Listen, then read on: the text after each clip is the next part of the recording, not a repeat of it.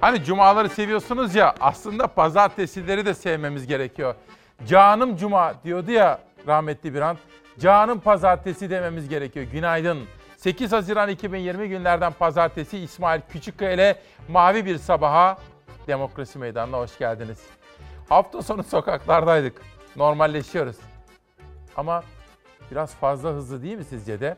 Biraz hızlı normalleşiyoruz. Hatta biraz anormal hızla normalleşiyoruz. İşte bu sabah bütün detaylarıyla bunu konuşacağız ve Kayahan Pala hocamız bizlerle birlikte olacak, değerlendirecek. Acaba hızlı mı gidiyoruz? Ben de dedim ki herkes kendi tedbirini alsın. Dışarıya çıktığımızda, işe gittiğimizde, her nerede olursak olalım herkes kendi tedbirini alsın. Bu hafta Hilal kardeşim bana yönetmen koltuğunda yardımcı oluyor. Biraz sonra Savaş'la devir teslim yapacaklar ama şimdi bir pencere açalım dışarıya bakalım. Günaydın. Ekonomiden siyasete, spordan magazine kadar hayatın her alanındaki haberleri sizlere anlatmaya gayret edeceğim. Ve Türkiye'mizin ve dünyanın dört bir noktasındaki haberleri sizlere anlatacağım. Hazırsanız gazete manşetleriyle yolculuğumuza başlayalım. Buyurun. Herkes kendi tedbirini alsın dedik, hürriyetle başladık. Kutlama için çok erken. Kadıköy Moda sahilinde maskesiz, mesafesiz parti yapan gençleri Sağlık Bakanı Koca çok ince bir göndermeyle uyardı. Bugün bu buluşmamız içerisinde Sağlık Bakanı yapmış olduğu açıklamaları ne kadar ince bir zekayla bizleri uyardığını detaylı olarak sizlere anlatma imkanı bulacağım. Ana manşetlerimden birisi bu. Ana gündem konularından birisi bu. Geçiyorum ikinci detaya. Bakalım ne var? Siyasete de bakacağım.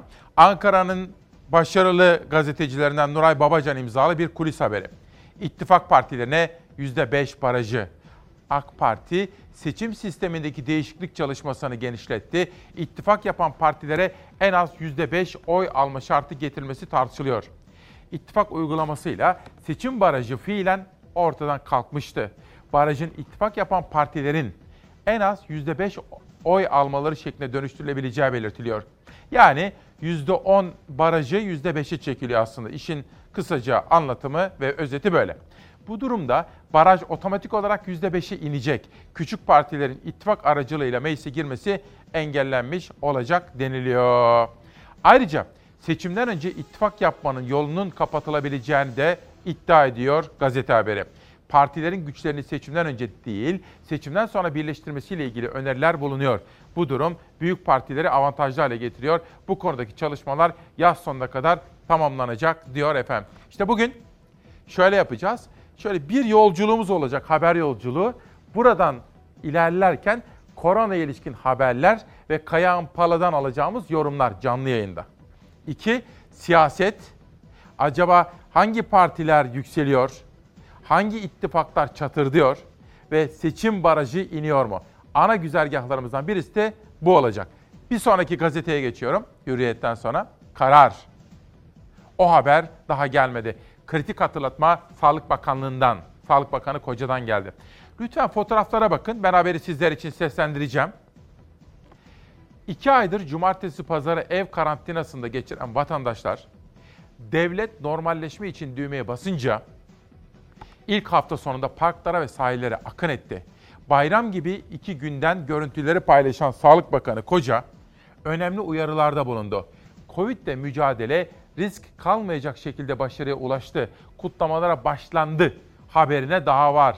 Fazla normalleşmeyelim dedi. Şimdi efendim biz de günün manşetini hep beraber atıyoruz.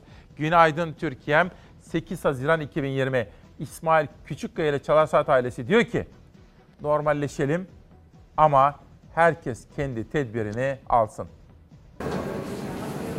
İyileşen vaka sayısının e, günlük yeni vaka sayısından fazla olması bize güvenli bölgede olduğumuzu gösteriyor. Türkiye'nin son iki gününe ait koronavirüs tablolarında iyileşenlerin günlük sayısı tespit edilen yeni hasta sayısının iki katını da aştı.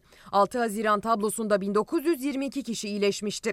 7 Haziran'ın tablosunda ise sayı arttı. İyileşenler 2647'ye yükseldi.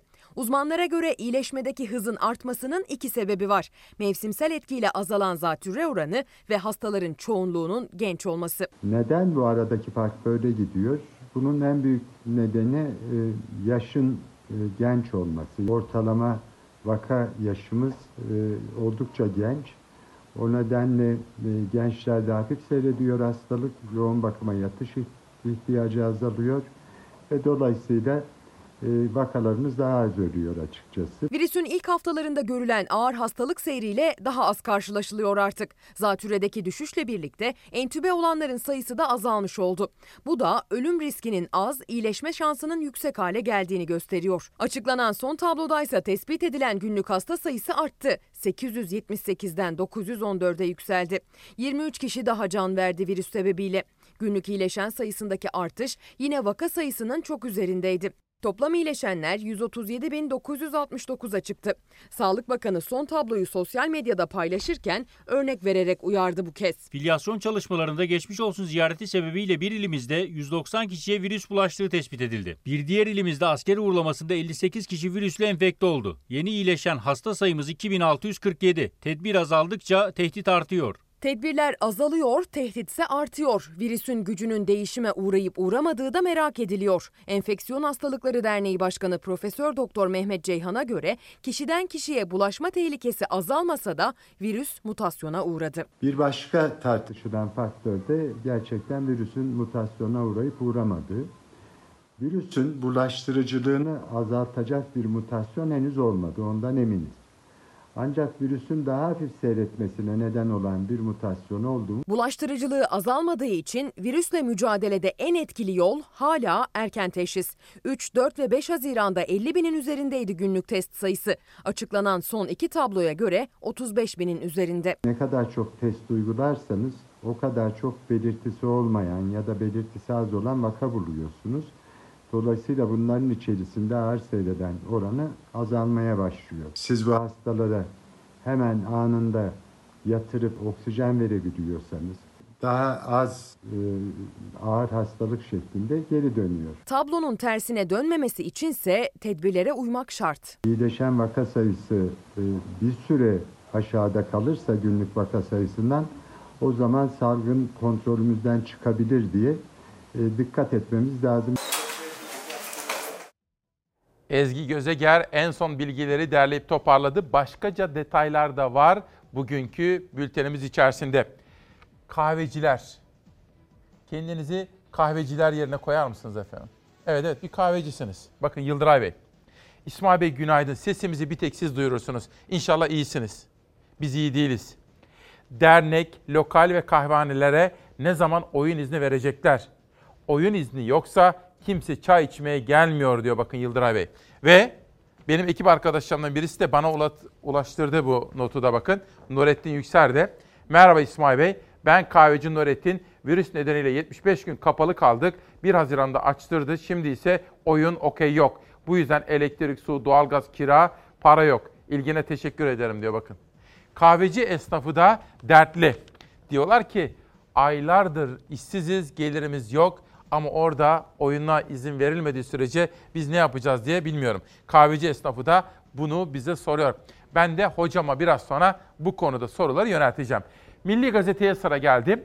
Bugün ekonomi diyeceğiz, esnaf diyeceğiz, işsiz gencimiz diyeceğiz, emekçi kardeşlerim diyeceğim. Yani alın teriyle çalışanlardan bolca haberler. Sırada Milli Gazete'de Ali Çağlar Timbek'in manşeti. Çiftçiyi elektrik çarptı. Yüksek girdi maliyetleri nedeniyle zorda olan çiftçinin başı şimdi de yüksek gelen elektrik faturalarıyla dertte. Tarımsal sulama alanlarında kullanılan elektriğe yapılan zam oranı %70'e yaklaşınca üretici borç batağının içine düştü. Faturasını ödeyemeyen çok sayıda çiftçi üretim yapamadı. Kimisi borcunu taksitlendirdi, taksitlendiremeyenler de bankalara mahkum edildi. Elektrik kurumları çiftçiden açık senet almaya başladı diyor. Bugün saat 10.45'e kadar devam edecek bu haber yolculuğumuz, bu sabah buluşmamız içerisinde hobi bahçelerinden de bahsedeceğim. Tarımdan, çiftçiden de bahsedeceğim efendim. O konuda da haberler hazırlanıyor. Sırada Beyza Gözeyik tarafından hazırlanan, hafta sonunu da kapsayan ve 8 Haziran 2020 Pazartesi gününe dair en son dünyanın manşetleri koronanın dünya raporu. Meksika, Hindistan ve Suudi Arabistan'da Covid-19 salgını şiddetlendi. Virüsün merkezi üstüne çevirdiği Brezilya, vaka ve kayıplara dair resmi rakamları paylaşmama kararı aldı. Salgının ilk görüldüğü Çin'de bir günde 4 yeni vaka tespit edildi. Virüsü taşıyan 4 kişiden ikisinin hiçbir belirti göstermediği açıklandı. Dünyada virüsle temas edenlerin sayısı 7 milyon 86 bini geçti. 406 binden fazla insan hayatını kaybetti. Virüsün en şiddetli seyrettiği Brezilya'da can kaybı 37 bini geçti. Vaka sayısı 700 bine tırmandı. Ancak devlet lideri Bolsonaro'dan verilere sansür geldi. Virüsü ciddiye almayışıyla dünyanın gündemine oturan Bolsonaro rakamlar abartılıyordu açıklamasında bulundu. Hindistan'da virüsün rüzgarı sert esiyor. 257 binden fazla kişinin virüse temas ettiği ülkede sağlık sistemi çökme noktasına geldi. Başkent Delhi'deki hastanelerin çevre şehirlerden hasta bakması yasaklandı. Birçok hastanın tedavi imkanlarına ulaşamayacak olmasıyla karar tepki topladı. Meksika'da virüs tespit edilen kişi sayısı 120 bine yaklaştı. Ancak mezarlık ve krematoryum görevlileri doluluk oranıyla baş edemiyor. Açıklanan resmi rakamların gerçeğin çok daha altında olduğu ifade ediliyor. Amerika'da virüsün merkez üssüne çevirdiği New York'ta 30 binden fazla kişi yaşamını yitirdi. İki aydır çeşitli kısıtlamalarla eyalette vaka ve kayıplar düştü. Bugün 400 bin çalışanın işbaşı yapması bekleniyor. Öte yandan ırkçılık karşıtı protestolara New York'ta sağlık çalışanları da katıldı. Sağlıkçılar siyahilerin, latinlerin ve maddi imkanları kısıtlı kişilerin tedavi olamadığı için hayatlarını kaybetmesini protesto ettiler.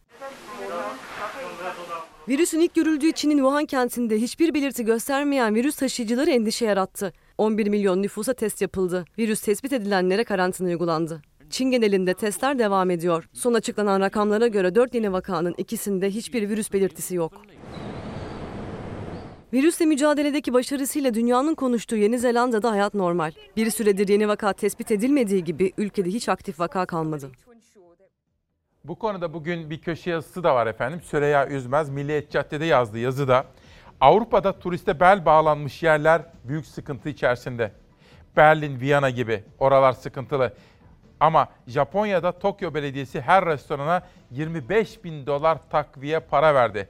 Londra'da küçük işletmelere destek sağlanmadı. Londra'daki esnaf da sıkıntıda. Sonuçta bütün dünya yeni normale alışmaya çalışıyor diyor Süreyya Üzmez bugün caddedeki yazısında. Erhan Bey, esnaf, kobi, imalatçı, sanayici, turizmci perişan İsmail Bey. Herkes ve vergi affı ve SGK yapılandırması bekliyor diyor efendim. Bu konuda bir milletvekilinin yaptığı çağrıyı da sizlere anlatmaya gayret edeceğim. Sırada Sözcü ve Sabah gazetelerinden seçtiğimiz manşetler var. Sözcü. Kılıçdaroğlu'na haber vermeden korumasını emekliye sevk ettiler. Bu işin doğrusu biraz tuhaf bir olay. Biraz açıklamaya, izaha muhtaç bir olay bu. Bunun daha net bir açıklaması olması gerekiyor. Artvin ve Çubuk saldırılarında CHP liderini kurtarmıştı. Kılıçdaroğlu'na haber vermeden korumasını emekliye sevk ettiler. 10 yıldır Kılıçdaroğlu'nun koruma müdürlüğünü yapan Koray Aslan, CHP'ye haber verilmeden emniyet tarafından kadrosuzluk nedeniyle emekliye sevk edildi. Henüz görevinin başında olan koruma müdürü Koray Aslan şimdi bu sürpriz emeklilik kararının kendisine tebliğ edilmesini bekliyor. Arslan konuyla ilgili Kılıçdaroğlu ile görüştü. Kılıçdaroğlu Koray Aslan'ın parti çatısı altında görevlendirilmesi için talimat verdi. Şimdi peki kimdir bu? Gazetede iki fotoğraf ve fotoğrafın altında iki detay görüyorum. Bakın fotoğraflara. Bir, PKK'nın Artvin saldırısını bastıran kahramandı. Aslan Artvin'de 25 Ağustos 2016'da CHP konvoyuna yapılan PKK saldırısı da Kılıçdaroğlu'nu kurtarmıştı.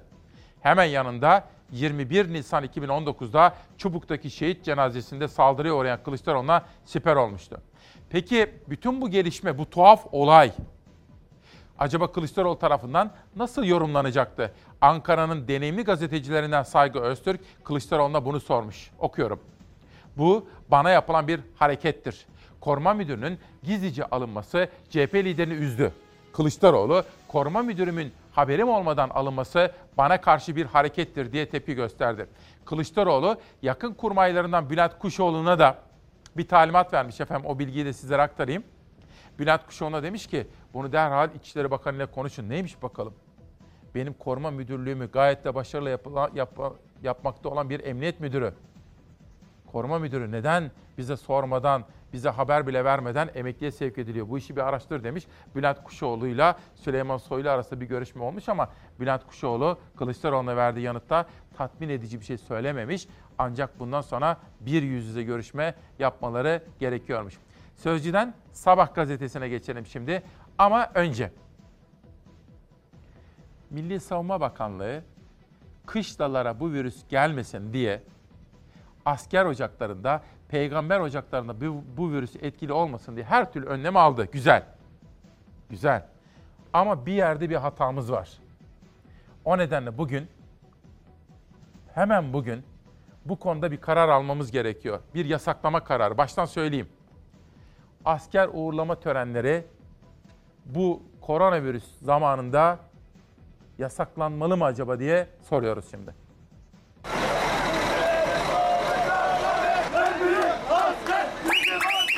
Sosyal mesafesiz, maskesiz asker uğurlama törenleri yansıdı Türkiye'nin dört bir yanından. Memleketlerinden uğurlanan askerler Ankara'da maskeli, sosyal mesafeli, dezenfektanlı ateş ölçümüyle karşılandı. Birliklerine sosyal mesafe uyarısıyla alındılar. Sosyal mesafenizi sürekli olarak muhafaza edeceksiniz. Etrafınızdakilerle mesafeniz en az bir buçuk metre olacak. Koronavirüsle mücadele kapsamında kışlalar için özel tedbirler alındı. Salgın gerekçesiyle Mayıs ayı başındaki terhisler bir ay ertelendi. 66 bin Mehmetçiğin askerlik süresi Cumhurbaşkanı kararıyla bir ay uzatıldı. Mayıs ayı sonunda terhisler gerçekleşti. Onların yerini alacak 53 bin kişinin silah altına alınması işlemi başladı. Yeni gelen celpleri işte 100 bin efendim gencimizi ne yaptık biz? PCR testi. Bunun koordinasyonunu yaptık. Bütün il ve ilçelerde 3 gün öncesinden PCR testi yapıldı. Onlar sağlam dedikten sonra onların sevki başladı.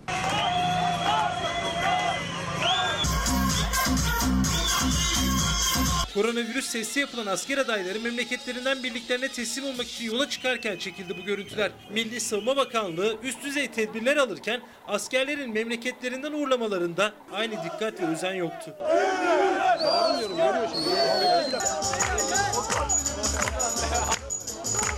21 Mart'ta yasaklanmıştı asker uğurlamaları. 1 Haziran itibariyle normalleşme adımları sonrası asker uğurlama töreni de serbest artık. İstanbul ve Adana'da ne sosyal mesafe tanındı ne maske takıldı.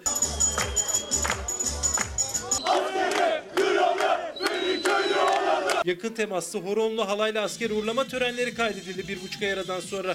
Salgını kimse umursamadı. Yeni günün sabahında Ankara şehirler arası otobüs terminalinde birliklerine teslim olmak için gelen askerler böyle karşılandı.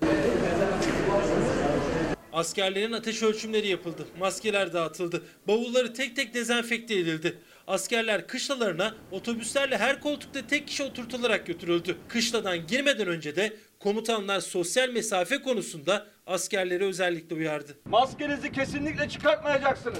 Elinize indirmeyeceksiniz. Sosyal mesafenizi sürekli olarak muhafaza edeceksiniz. Bu konuyu takip edeceğiz. Bence nasıl ki düğünleri, nişanları, toplu törenleri erteledik, bunu da en azından yasaklamamız gerekiyor şu dönemde. Çünkü kışlaya bulaşmasın diye Milli Savunma o kadar gereken önlemleri aldı ama burası açık var bakın. Burada bir güvenlik açığı var. Dolayısıyla bu riski üstlenemeyiz efendim diyorum. Az evvel kahveci ve lokantacı esnafından bahsetmiştim. Hüseyin Kış diyor ki Mersin'den. İsmail Bey günaydın. Türkiye'mize iyi haftalar. Aynı şekilde yani kahvehaneler gibi restoranlar da özellikle akşamları hizmet veren restoranların da saat 10'da kapanması bizleri bu zorlu dönemde iyiden iyiye zorlamaktadır diyor Hüseyin Kış Mersin'den yolladığı mesajda. Saadet Akkuş kahvehaneler saat 22'de kapanıyor eskisi gibi saat 24'te kapanmalı diyor efendim. Tevfik Diker ki milletvekili yapmış bir isim 65 yaşa ilişkin düzenlemeler konusunda rahatsızlığını dile getiriyor Tevfik Bey. Aynı onun gibi Memiş Kulaç. İsmail Bey, bana içeride kal diyenlerin hepsi dışarıda. Dışarıya gidip eve geliyorlar. Bana maske tak diyenlerin hiçbirisi de maske yok. Artık bacaklarım vücudumu taşımaz oldu. Virüsten korunacağım derken evde çürümeye başladık. 65 yaş üstüne yapılan bu zulüm de artık bitsin diyor efendim bakın. Çok önemli mesajlar gelmekte. Sözcüdeki bu manşete ilişkin şunu bir daha söylemek istiyorum. Bir parti liderinin ki tehditler alan, PKK'nın saldırısından kurtulan, bir linç, bir provokatif girişimden kurtulan ve bütün bunları yapan bir muhalefet partisinin koruma müdürü neden emekliye sevk ediliyor? Bu konuda İçişleri Bakanlığı'nın net ve kamuoyunu aydınlatacak bir yanıt vermesi gerekiyor. Bugünkü soru işaretlerimizden birisi bu diyorum ve sözcüden sabaha geçiyorum. Üretim çarkları tam gaz dönüyor. Türkiye'de üretime verilen virüs molası kısa sürdü. Sanayi merkezlerinde fabrikalar 3 vardiya sistemine döndü. Kapasite kullanımı %80'i geçti. Bu da günün güzel haberlerinden birisiydi. Feride Cem yazmış ve analiz yapmış efendim. Sabahta bir detay daha seçtim sizler için. Sıra ona geliyor. Sıfır Atık Mavi projesiyle 65 bin ton çöp toplandı. Emine Erdoğan'ın çok yakından takip ettiği bir proje. Emine Erdoğan'ın himayesinde yürütülen sıfır atık kapsamında geçen yıl sıfır atık mavi projesi başlatıldı. Bir yılda deniz ve kıyılardan 65 bin ton deniz çöpü toplandı. Dün hazırlıklarımı tam tamamladım. Akşam Gemlik'ten Mahmut abimiz aradı, Mahmut Solak Subaşı. O da Emine Erdoğan'ın bu projesini de hatırlattı. Fakat dedi dalga dalga yayılmalı. Durum iyi değil dedi. Plastik başta olmak üzere çevre kirliliği konusunda daha duyarlı olmamız gerekiyor dedi Mahmut abimiz. O mesajı da sizlere anlatmış olayım efendim. Sabahtaki iki manşet ve sonra bir sonraki gazete bir gün. Yoksula hastalık, zengine para oldu. Ozan Gündoğdu'nun haberi pandemi döneminde Zenginler Kulübü'ne 40 bin yeni milyoner katıldı diyor efendim. Bu haberi okuyacağım bir saniye ama güzel haberler de istiyoruz değil mi? Olumlu haberleri de görmek istiyoruz. Tabii ki ülkemizin yaşadığı bütün gerçekleri burada duymak istiyorsunuz. Fakat hastalığı yenenler, zafere ulaşanlar onlar da bize moral verdiler. 7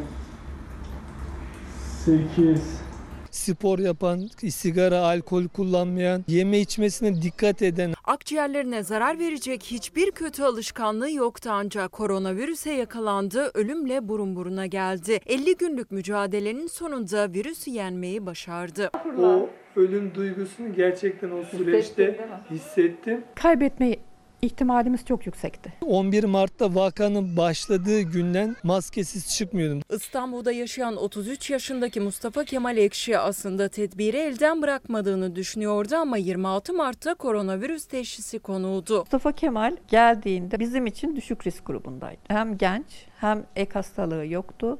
E, sigara kullanmıyordu, alkol kullanmıyordu. Yoğun bakıma geçtikten sonra birkaç saat sonrasını hatırlamıyorum. Risk grubunda değildi ama ilaçlara ve kök hücre tedavisine yanıt vermedi, yoğun bakıma alındı. Ekşi'nin akciğerleri fonksiyonunu kaybetti, makineye bağlandı. Hayat organlara yeterli miktarda oksijen taşınmıyor. Özetle e, akciğerler çalışmıyor. Elimizde tek sonuç kaldı. Dışarıdan e, bir cihaza akciğerin fonksiyonunu yaptırmak. Zamanla yarışıyorduk. Zamanla yarışta kazanan taraf Mustafa Kemal Ekşi oldu. 12 gün boyunca akciğerlerinin işlevini bir makine üstlendi. 50 günlük yaşam mücadelesinden iyileşerek çıktı. O korkuya, acıya tanıklık etmiş biri olarak henüz virüse yakalanmamış olanları uyardı. O acı başımıza gelmeden bazı şeyleri anlayamıyoruz. Bu maske şu gömleğimiz gibi, atletimiz gibi bir parçamız olması lazım. Yoksa vakaların azalması, ölümlerin azalması hiç çözüm değil. Çünkü virüs hala aramızda. Hastalarımız var ve ama onlara böyle adeta bebek gibi imtina eden bakanlar var. Ayten Hanım, Ayten Yavaşça ve Alaaddin Yavaşça hocamızı sevgiyle, saygıyla selamlıyoruz.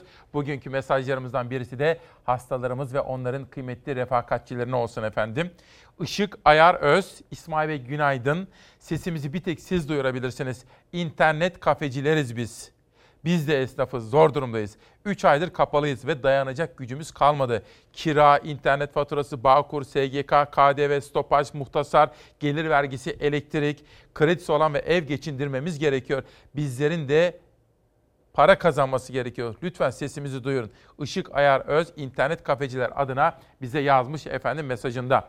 Sabah gazetesini okumuştum. Olayın pembe tarafı vardı. Bu tarafa geliyorum Bir Gün gazetesine. Burada da olayın negatif tarafı var. Okuyalım. Yoksula hastalık, zengine para oldu. Salgın toplumun bir kesimini daha da zenginleştirdi. 3 aydır yükselen borsada hisselerin %75'i %1'lik kesime ait. Diğer yanda derinleşen yoksulluk var. Önce kazananları bir okuyalım. Kimler zengin olmuş? Covid-19 ile sert bir türbülansa giren ekonomide 3 aydır yükselişte olan borsa geçen 3 yatırımcısına %35 kazandırdı. Burada bir cümle düşüklüğü var ama Borsadaki Mayıs ayı verilene göre hisse senetlerinin %75'i yatırımcıların sadece en zengin %1'ine ait. Ocak ayında 1 milyon lira ve üzeri bakiyesi bulunan hesap sayısı 203 bini aşmışken bu sayı Nisan'da 240 bine yaklaştı. Yani yanisi şu, Türkiye'de 240 binden fazla kişide 1 milyon ve üzerinde banka hesabı var. Nisan ayı verilene göre bankalardaki 2 milyar 789 milyon liralık mevduatın yarısından fazlası en zengin binde ikilik kesime ait. Tabi Türkiye'de zengin var. Para da var. Fakat gelir dağılımı bozukluğu da var. Bir de fakirlere bakalım. Daha doğrusu yoksullara, gelir adaletsizliğinin mağdur ettiği kesimlere bakalım. Salgınla birlikte yüz binlerce kişi işsiz kaldı.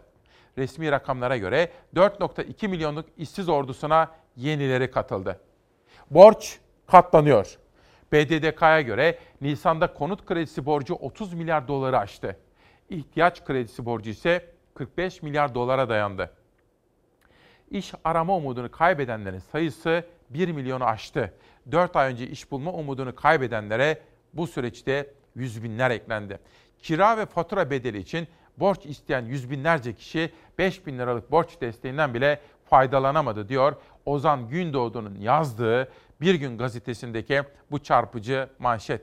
Ne dersiniz efendim? Zengin bir ülke miyiz biz? Tabii zenginiz. Kaynaklarımız var. Tabii petrolümüz yok, doğalgazımız yok ama kaynaklarımız var. Peki, peki ama bu zenginliği biz olabildiği kadar adil paylaşıyor muyuz, bölüşüyor muyuz? Hayır. Mevcut sistem nedeniyle Türkiye'de zengin daha da zenginleşirken fakir, yoksul daha da yoksul hale gelmeye başladı. Gelir dağılımı farkı ve adaletsizliği adeta bir uçurum gibi günden güne büyüyor. O nedenle Türkiye iyi yönetilmesi, yönetmek isteyenlerin de mevcut yöneticilerin de en önemli sorun olarak gelir dağılımı adaletsizliğini çözmeyi öncelik olarak ön plana alması gerekmekte. Bugün bugün İsmail Küçükkaya Demokrasi Meydanı'nda dedik ki normalleşiyoruz. Ama biraz hızlı normalleşiyoruz. O halde manşetimiz şu. Herkes kendi tedbirini alsın. Sahillere gidenler de kendi tedbirini alsın.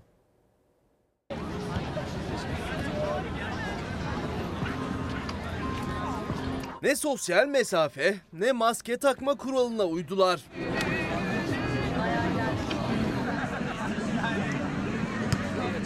İstanbul sahillerine akın pazar akşamı da sürdü. Kalabalık gruplar gece geç saatlere kadar sahillerde vakit geçirdi. Cumartesi akşamı kaydedilen sahillerdeki yoğunluk görüntüleri sonrası Sağlık Bakanı Fahrettin Koca çok fazla normalleşmeyelim diye uyardı. Maske ve mesafe kuralını hatırlattı ama o hatırlatmaya aldırmayanlar da vardı. Dün yani pazar akşamı da İstanbul'da sahiller yine doldu taştı.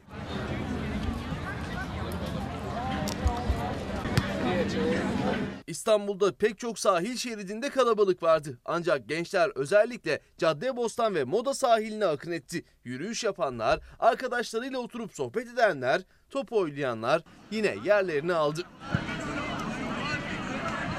Bazıları maske ve mesafe kuralına uydu. Kalabalıklardan uzak durmaya çalıştı.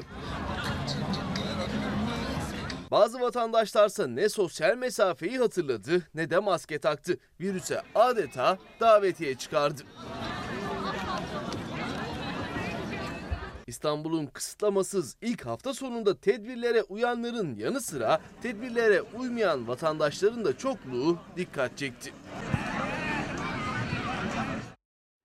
Bugün sizlere mesela Süleyman Soylu'nun Ağrı'da verdiği bir söz vardı. Ağrı Dağı ile ilgili. Bir milletvekili, soyadı Çelebi, Ağrı milletvekili, AK Parti milletvekili. Ağrı Dağı'na artık çıkılsın, dağcılara, piknikçilere izin verilsin. Soylu'nun verdiği bu sözü takip ediyor. Bize de mesaj yolladı milletvekili Çelebi. Bunu da anlatacağım. Dünyanın öbür tarafında mahsur kalıp da Devletim beni kurtarsın diyen bir sesi de dinleteceğim ve devletime teşekkür ediyorum diyen bir sesi de şöyle bir 5-6 dakika sonra sizlere dinleteceğim efendim. Ama önce biraz şu sahillere daha bakmak istiyorum. Emrah Altındiş. Benim aklım bunu almıyor. Devlet millet el ele ikinci pike daveti yani bir salgın daha yaşayacağız diye korkuyor Emrah Bey. Videosu hazır mı Hilal? Hadi izleyelim, izleyelim bunu.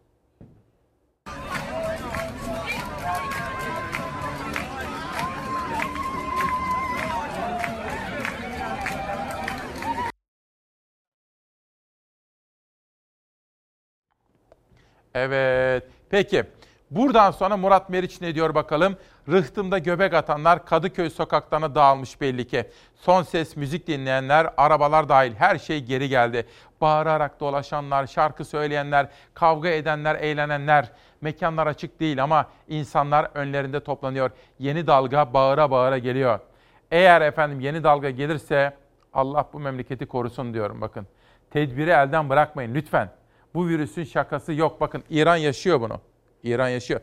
Biraz sonra Profesör Kayahan Pala konuğumuz olacak. Onunla da hocamızla da konuşacağım. Lütfen dikkate takip edin sağlığınız için. Bu akşam Caddebostan sahili diyor bakın. Fotoğraflar az evvel haberini de izlemiştik. Videosu var mı? İzleyelim. İzleyelim.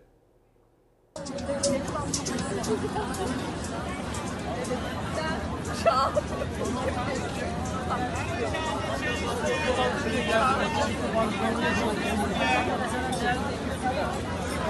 mu var? Gelmiş işte. Ya farkına alayım mı? Arama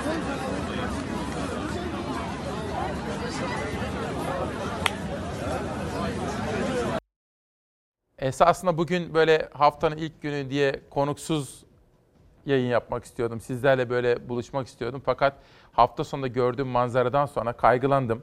Danışmanımla Nihal Kemaloğlu ile yaptığım konuşmadan sonra da kaygılandım. Ve bir konuk davet etmeye karar verdik. Sonra editörüm Zeray Kınacı ile konuştuk. Özel bir yayın yapmak istedik ve bugün buna göre kurgumuzu yaptık. Ve Kayağan Pala ile konuştuk. Biraz sonra gelecek. Çünkü efendim meydana gelen tablo iç açıcı değil. Korkuyorum. Normalleşme istiyorum. Tamam. Destek veriyorum. Moralimiz de yerine gelsin. Ama bu gidişte sıkıntı olabilir diye korkuyorum. O nedenle bizler sorumlu yayıncılık gereği sizleri uyarmayı bir vazife biliyoruz. Herkes kendi tedbirini alsın diyorum.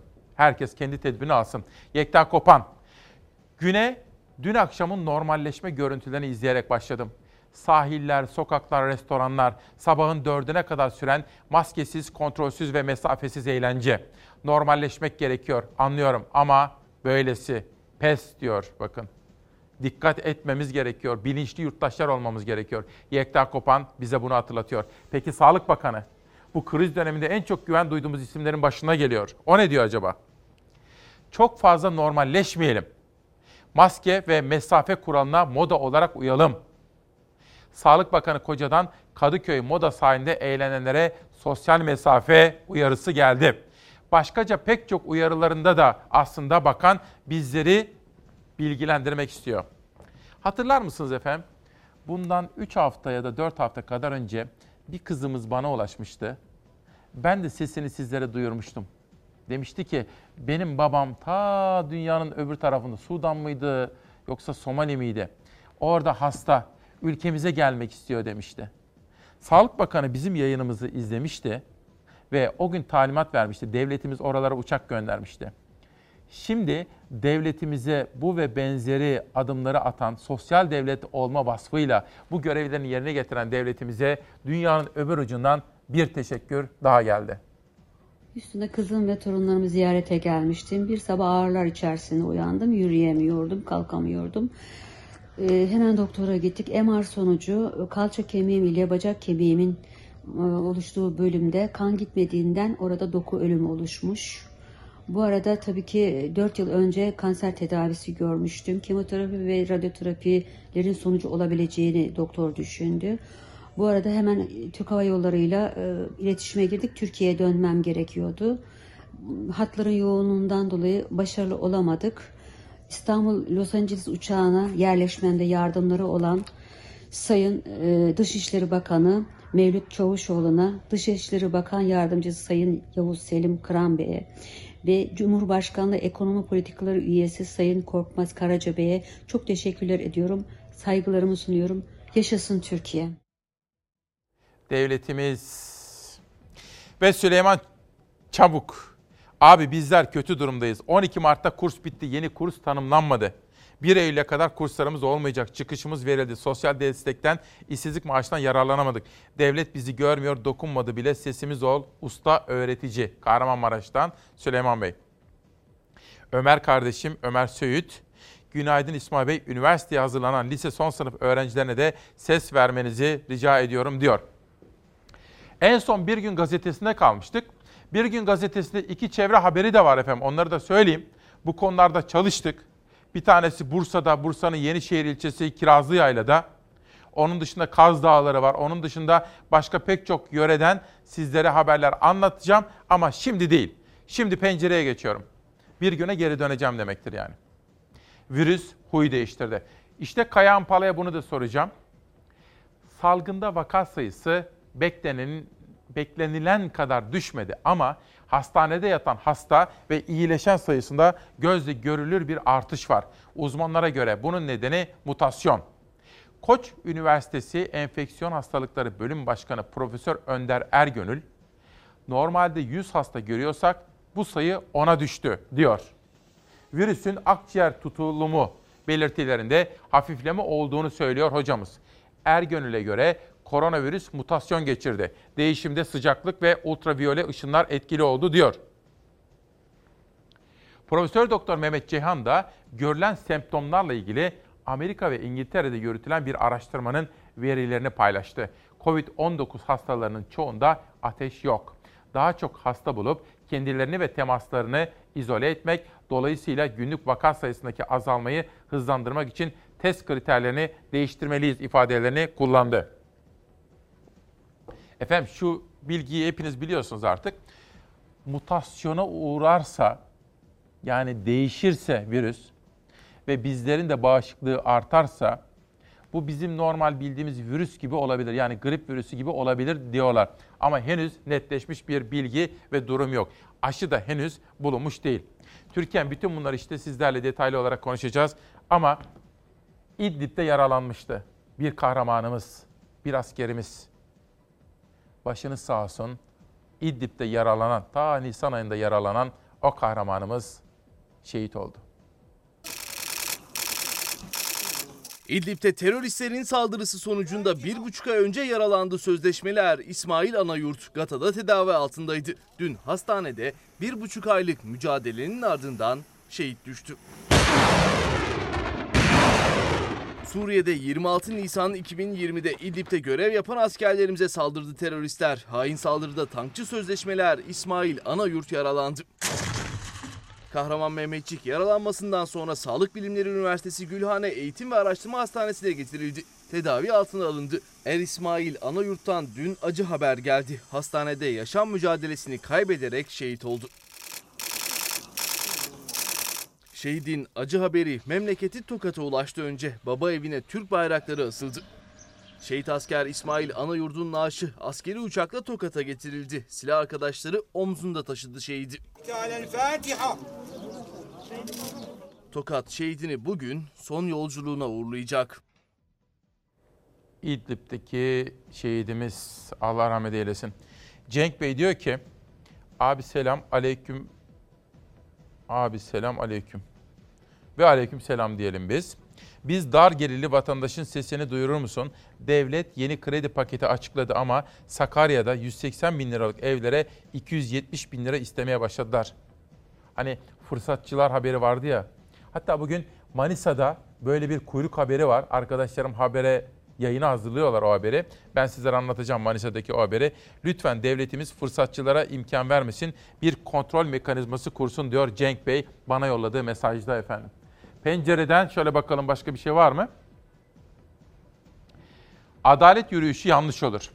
Kılıçdaroğlu'na bir soru soruldu. Peki siz daha önce bir adalet yürüyüşü yapmıştınız diyor. Diyor ki bugün Erdoğan bizi bir tuzağa çekmek istiyor. Bugünkü koşullarda bunu doğru bulmam diyor. Ve biz bu tuzağa düşmeyeceğiz diyor Kılıçdaroğlu. Bunu nerede söylemiş? Fikret Bila'nın sorularını yanıtlarken.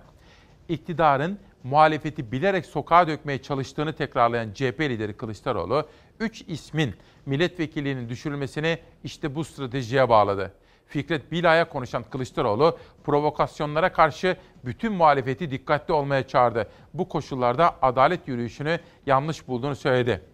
Yani diyor ki iktidar bizleri kışkırtarak bir takım provokatif eylemler yaparak sokağa dökmek istiyor. Çünkü diyor siyaseten kaybetmeye başladı.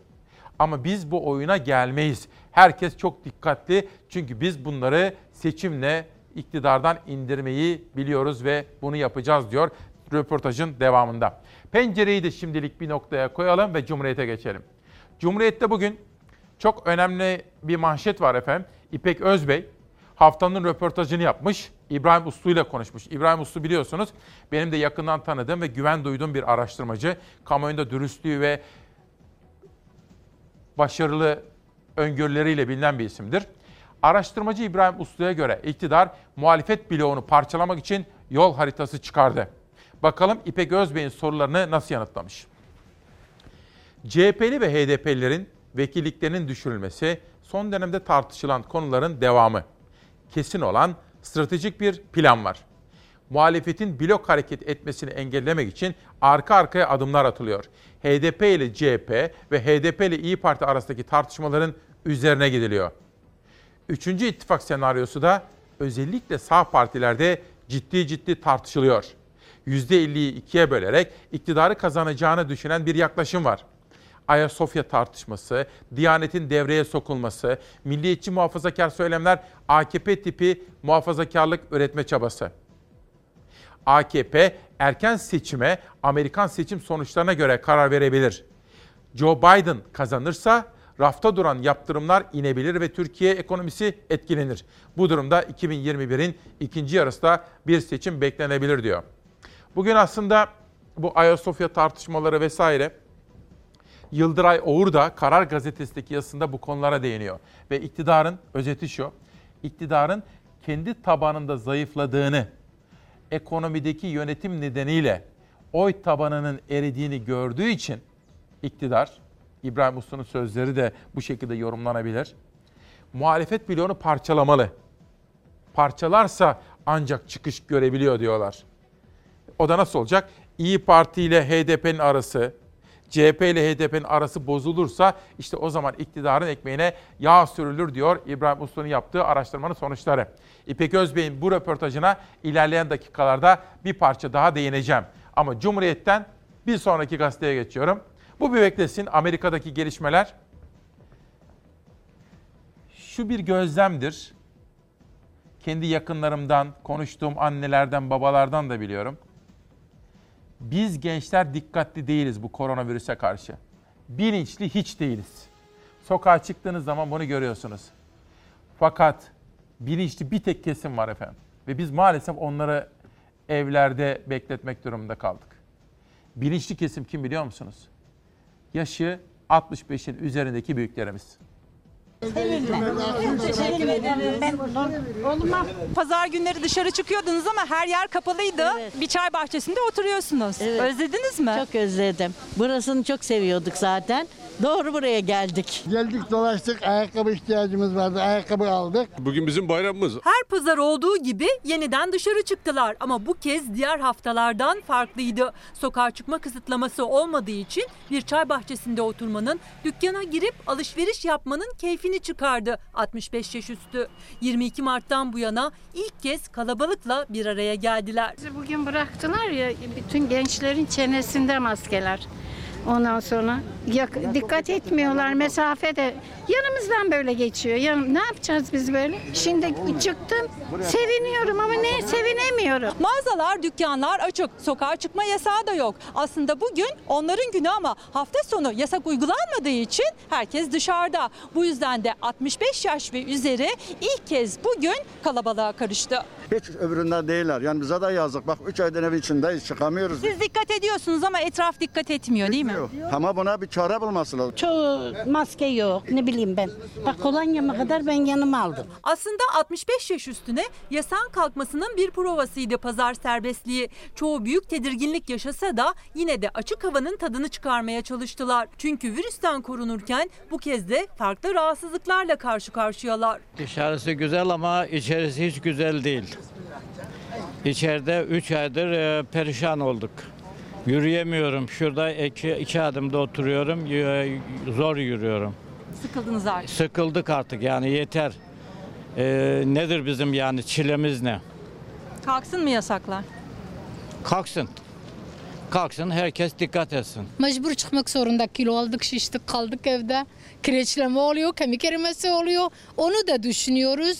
Virüsü de düşünüyoruz. Allah yardım etsin ne diyelim. 65 yaş ve üstü bugün dışarı çıktı ama yaz sıcakları da iyiden iyiye bastırdı. Onlar bir taraftan hava alıyorlar ama bir taraftan da o sıcaklardan kendilerini korumak için işte böyle ağaç gölgesinde oturuyorlar. Yaş 82. Gölgede kalıyorsunuz. Evet. Evet. Şapkayı da unuttum kafama koymaya. Dükkanlar da açık, çay bahçeleri açık. Oturacak mısınız bir yerlerde? Ya oturmaya da korkuyorum. Otururum da korkuyorum. Bu virüsten dolayı hani bulaşır. Allah korusun hayatımı kaybederim, çocuklarıma bulaştırırım.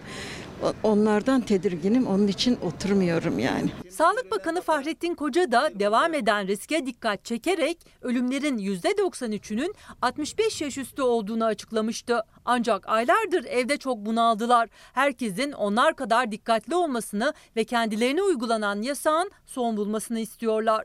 Bıraksınlar kardeşim biz e, virüsleri bulaştıran biz miyiz? 65 çalışanları serbest. E bunlar bu virüs bulaştırıyor. Torunumu 3,5-4 ay sonra dün görebildik, gelebildiler. Çocuk 3 aylıkta oldu 7 aylık. Çok ayıp. Kalksın. Çünkü bir, biz bir ko- kendimizi koruyoruz. Ben genellikle bakıyorum karşıdan geliyor, öteki kaldırıma geçiyorum. Ne korunayım? Varım yoğun bu işte. Şimdi bugün bu 65 yaş üstündeki kıymetli ve bilinçli yurttaşlarımıza, büyüklerimize dair başka haberlerimiz var. Ve Kayahan Pala hocamıza onu da soracağım. En bilinçli kesim 65 yaş üstü onu da soracağım efendim. Bugün biraz sonra Antalya, Alanya'dan, Adana'dan, Diyarbakır ve Tunceli'ye kadar sizlere yerel gazete haberlerinde inanılmaz manşetler. Tarım, çiftçi, esnaf, turizm her birini anlatacağım. Bu arada Turizm, Kültür ve Turizm Bakanlığı Mehmet Ersoy'un talimatıyla yeni bir video yayınladı. Çok güzel bir video. Onu da sizlere aktaracağım. Çünkü turizm en azından bir parça yılın geri kalanında atağa kalkmak istiyor. Gereken önlemleri alıyor. Onu da sizlere sunacağım efendim. Özlem Eloğlu Varol. Pandem başvurularında 5 evi ve 2 dükkanı, arabası bile olan tanıdıklarım var. Sadece sigortası yok diye devlet tarafından biner lira verildi onlara. Benim evim kira, eşimin sigorta girişi var diye ihtiyacımız yokmuş gibi bize verilmedi diyor. Adalet aradığını söylüyor Özlem Hanım efendim. Baran diyor ki abi bu iktidar niye bölmeye çalışsın ki muhalefet bloğunu diyor efendim.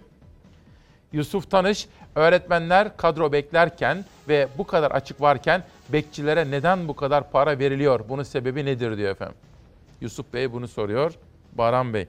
Şöyle Baran Bey, artık bize getirdikleri bu yeni sistem koalisyonlar, ittifaklar sistemi. Dikkat ediyorsanız hiçbir parti tek başına gelip de %50'yi aşacağım demiyor. Diyemez. Kolay değil. Çok çok zor. O nedenle ittifaklar halinde. İşte iktidar bloğu yani Cumhur İttifakı diyor ki bu blok İbrahim Uslu'nun Cumhuriyet'te İpek Özbey'in sorularını yanıtlarken verdiği yanıtta da öyle var. Yıldıray Oğur'un yazısında da var. Şu. Bu blok yani muhalefetteki blok 50'yi aşıyor. Cumhur İttifakı da bu bloğu parçalarsa o zaman bu taraf ön plana geçmeye çalışabilir. Kılıçdaroğlu'nun provokasyon yapmaya çalışıyorlar dediği de bu işte aslında. Siyasi matematik ve mühendislik çalışmaya başladı. Dünyaya da bir bakalım. Evrensel, ırkçılığa karşı tarihi dayanışma. Hafta sonu birçok ülkenin sokakları Amerika'daki ırkçı polis şiddetine karşı yükselen halk protestolarıyla dayanışma için dolup taştı. Fotoğraflara bir bakarsanız Amerika'da meydana gelen gelişmeler ama fotoğrafların biri Almanya'da şu uzun fotoğraf. Evet evet. Orası Almanya. Bakın. Hemen altında İngiltere var. Bakın. Yani efendim şu Amerika'da polis şiddetiyle bir siyahinin öldürülmesiyle başlayan olaylar Avrupa'yı da dünyayı da etkisi altına almaya başladı.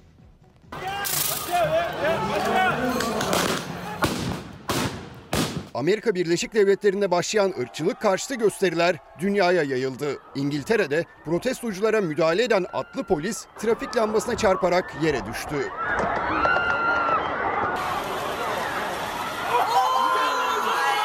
Minneapolis'te polisin siyahi George Floyd'u öldürmesinin yankıları sürüyor. Irkçı şiddete hedef alan eylemler 12. gününde de devam etti. Birçok eyalette ilan edilen sokağa çıkma yasağının kaldırılmasıyla yüz binlerce kişi ırkçılığı protesto etti. Başkent Washington'da göstericiler askerlerin gözetimi altında Beyaz Saray'a yürüdü. Floyd için adalet istedi.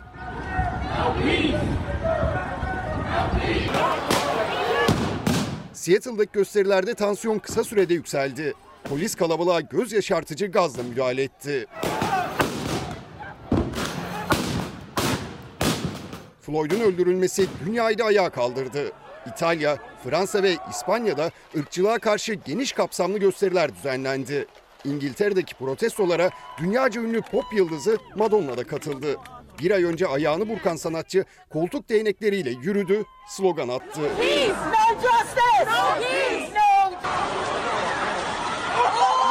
Başbakanlık binası önündeki gösterilerse arbedeye dönüştü. Göstericilerin pet şişe atması üzerine atlı polis kalabalığa müdahale etti. Müdahale sırasında panikleyen bir at trafik lambasına çarptı. Üzerindeki polis yere düştü.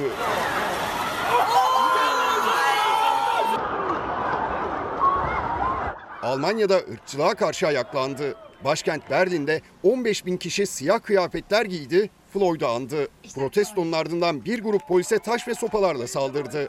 Bunun üzerine çok sayıda kişi gözaltına alındı. Ülkedeki sporcular da polis şiddeti ve ırkçılığa karşı tepki gösterdi. Borussia Dortmund, Hertha Berlin maçı başlamadan önce iki takım futbolcuları santra çizgisinde diz çöktü.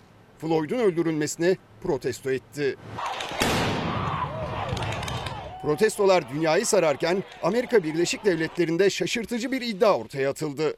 Başkan Trump'ın Beyaz Saray'ı korumak için 10 bin asker istediği öne sürüldü. Ancak Genelkurmay Başkanı bu isteğe karşı çıktı. Arkadaşlarım şu anda yayını hazırlıyorlar.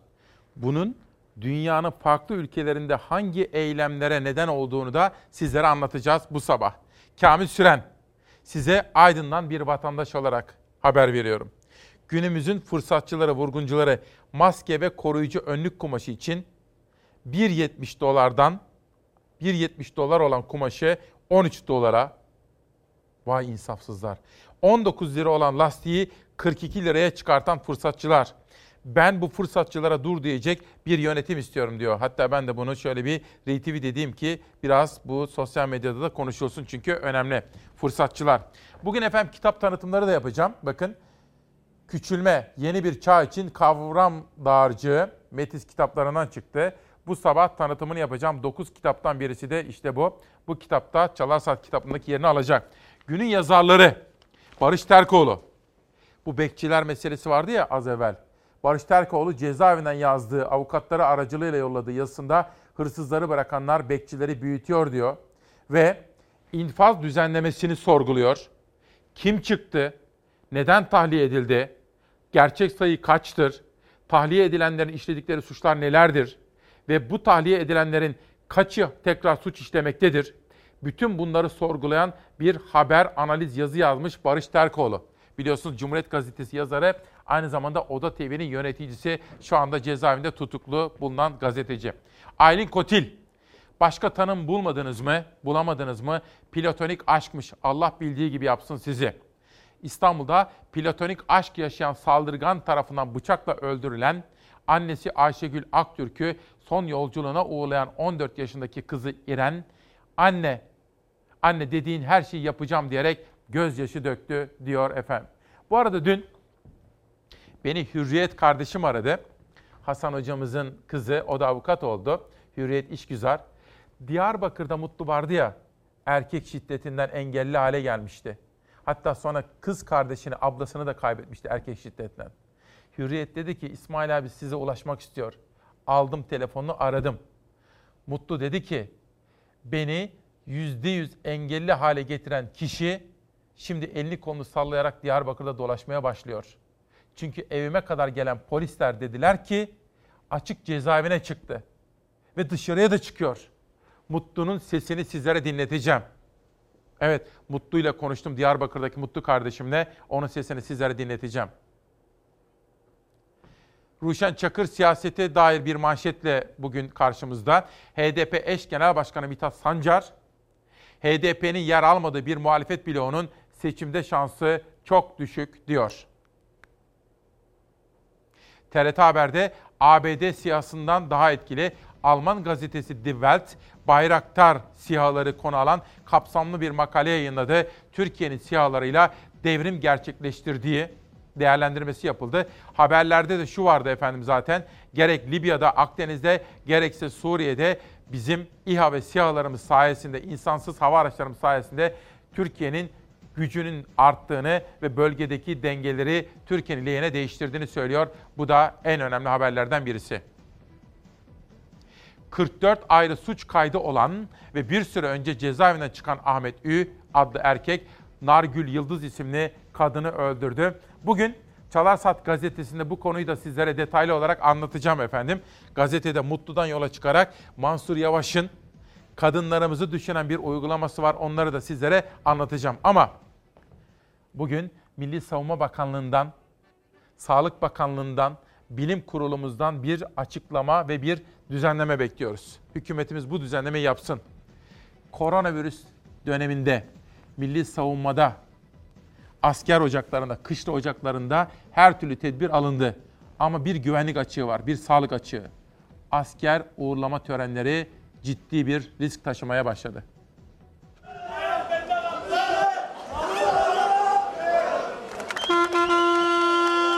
Alınan tedbirlere rağmen asker uğurlamasında mesafe korunamadı, sosyal mesafe ve maske tedbirlerine uyulmadı.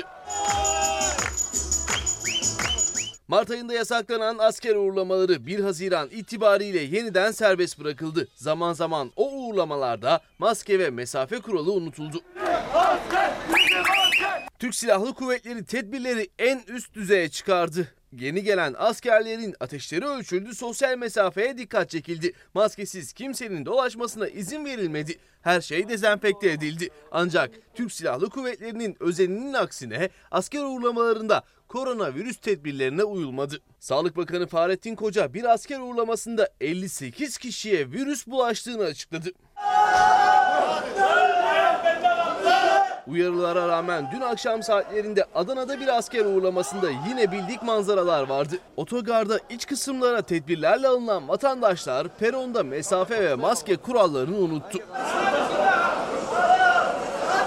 Askere gidecek genç havaya atıldı. Otobüs önünde kalabalık oluştu. Bir araya gelip İstiklal Marşı okuyan grubun önünü kestiği otobüs yolcularıyla birlikte hareket etti. Adana'dan İzmir'e doğru yola çıktı. Bu konu mutlaka bir düzenleme gerektiriyor. Bugün böyle bir düzenleme bekliyoruz efendim. Biraz sonra bir reklam arası için sizlerden müsaade isteyeceğim şimdi. Fakat dönüşte çocuklarımız eğitim haberleri, maske, Milli Eğitim Bakanı'nın yaptığı açıklamalarla geri döneceğim efendim. Çocuklarımız ve öğretmenlerimiz bu konuyu dikkate takip etsinler. Ve yeni çıkan kitaplar Fethi Ahmet Tohum isimli kitabıyla bu sabah Çalar Saat'te yazmış, imzalamış ve bana göndermiş. Bu hafta Turgut Uyar ve Türkiye'mizin video filmini sizlere göstereceğim. İçiniz açılsın diye. Turgut Uyar, yurdumuzun cennete dönmesinin formülünü o dizelerde nasıl anlatıyor bakın. Dilerim ki Tanrı'dan yurdumun cümle çiçekleri açsın. Kırmızı, mavi. Yeşermedik yer, yeşermedik yer kalmasın. Kuru ağaç kalmasın. Cennet misali kuru ağaç kalmasın.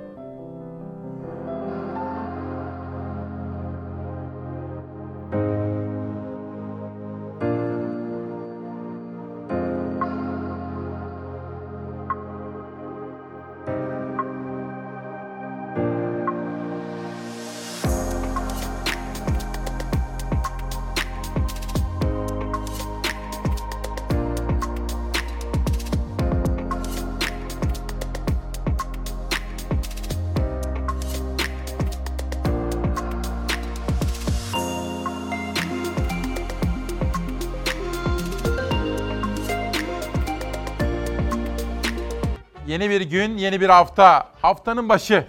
Hani rahmetli Birant için dedim ya 7.45'te. Canım Cuma diyordu. Canım Pazartesi diyelim. 8 Haziran 2020 günlerden pazartesi İsmail Küçükkaya ile Demokrasi Meydanı'ndasınız efendim. Biraz fazla, biraz hızlı normalleşiyoruz. Bence de öyle. Ama yasaktan yana değilsek diyeceğiz ki herkes kendi tedbirini alsın. Ben, ekip arkadaşlarım, sevdiklerim, ailem, annem, kardeşlerim, yeğenim. Herkese onu söylüyorum. Tedbirinizi alın. Nedir tedbirler? Çok basit. Sosyal mesafeye uyacağız. Tokalaşmak yok, öpüşmek, sarılmak yok. Maske kullanacağız. Hijyene dikkat edeceğiz. Elimizi sabunlu suyla yıkayacağız. Bu kurallara uymamız gerekiyor efendim.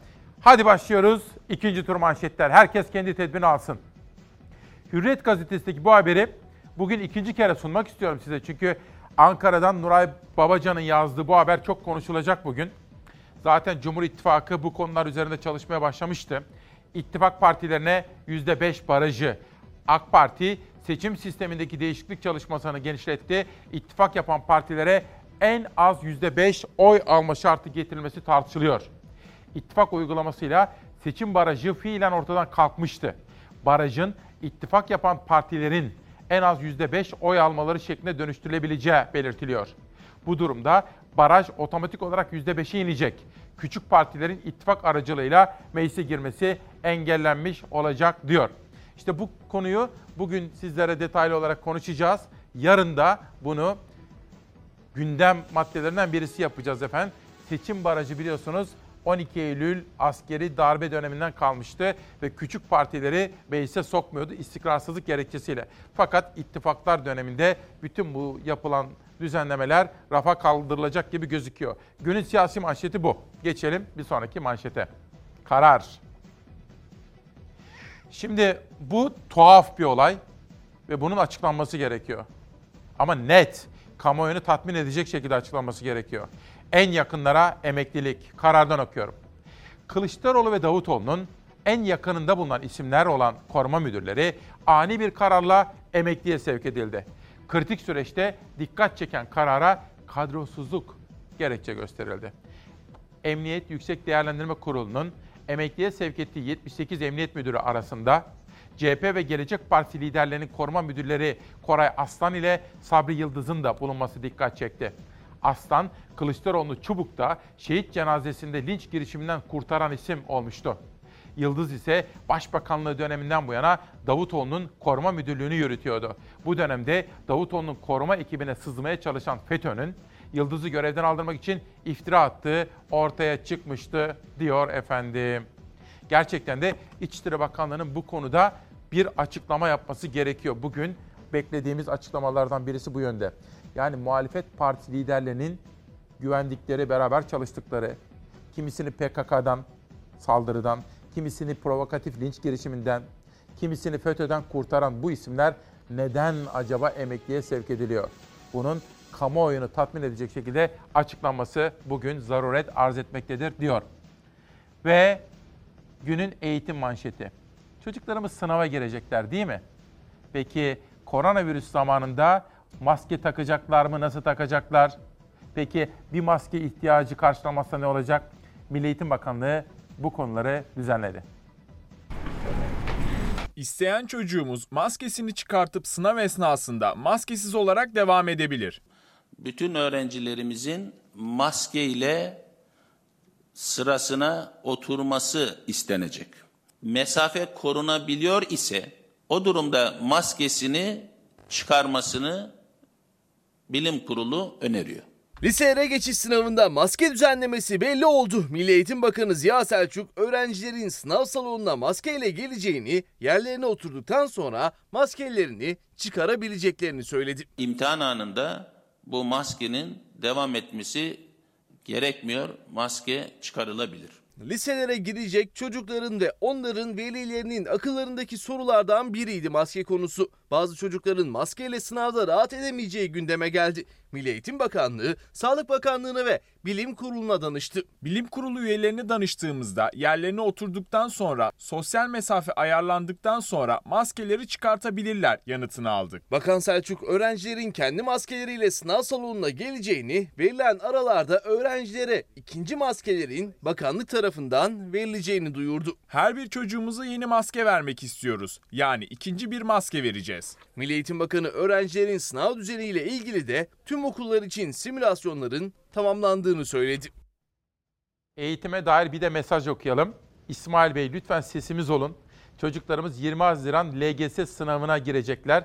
En azından bu hafta sonu sokak sokağa çıkmaları konusunda izin verilmesi onlara moral olur, motivasyonları artmış olur diyor efendim mesajda. Ve bakın Kılıçdaroğlu'nu linç girişiminden kurtaran koruma müdürü emekli edildi. Bu konuyu bekliyoruz. Şimdi ama biraz bir kaldıralım bunları arkadaşlar. Gazete manşetlerine devam etmek istiyorum. Gazetelerde en son Karar Gazetesi'nde kalmıştı. Bu arada bazı gözaltı kararları var efendim. Danışmanım da bana yollamış. Editörüm şu anda takip ediyor gelişmeyi. Bazı gazetecilerin de gözaltında olduğuna dair haberler var. Her zaman olduğu gibi kimseler o haberlerden bahsetmese de biz teyit edilmiş yani doğrulanmış bilgileri sizlere anlatacağım. Şu anda ekip arkadaşlarım bakıyorlar. Kimler gözaltı dalgasında tutuklandı ya da gözaltı dalgası içerisinde gözaltına alındı onları sizlere sunacağım efendim. Ama teyit etmemiz gerekiyor önce. Karardan Milli Gazete'ye geçiyorum. Çiftçiyi elektrik çarptı. Yüksek girdi maliyetleri nedeniyle zorda olan çiftçinin başı şimdi de yüksek gelen elektrik faturalarıyla dertte. Tarımsal sulama alanlarında kullanılan elektriğe yapılan zam oranı %70'e yaklaşınca üretici borç batağının içine düştü. Faturasını ödeyemeyen çok sayıda çiftçi üretim yapamadı. Kimisi borcunu taksitlendirdi, taksitlendiremeyenler de bankalara mahkum edildi. Elektrik kurumları çiftçiden açık senet almaya başladı diyor Ali Çağlar Tımbek'in yapmış olduğu bu manşette. Bizim artık hepimiz birbirimizi iyi tanıyoruz değil mi? 7 yıldır her sabah birlikteyiz. 3 saat. İsmail Küçükkaya ile Çalar Saati ailesinin vazgeçilmez temel hassasiyet noktalarından birisi tarım ve üretici ise bir diğeri de çevredir.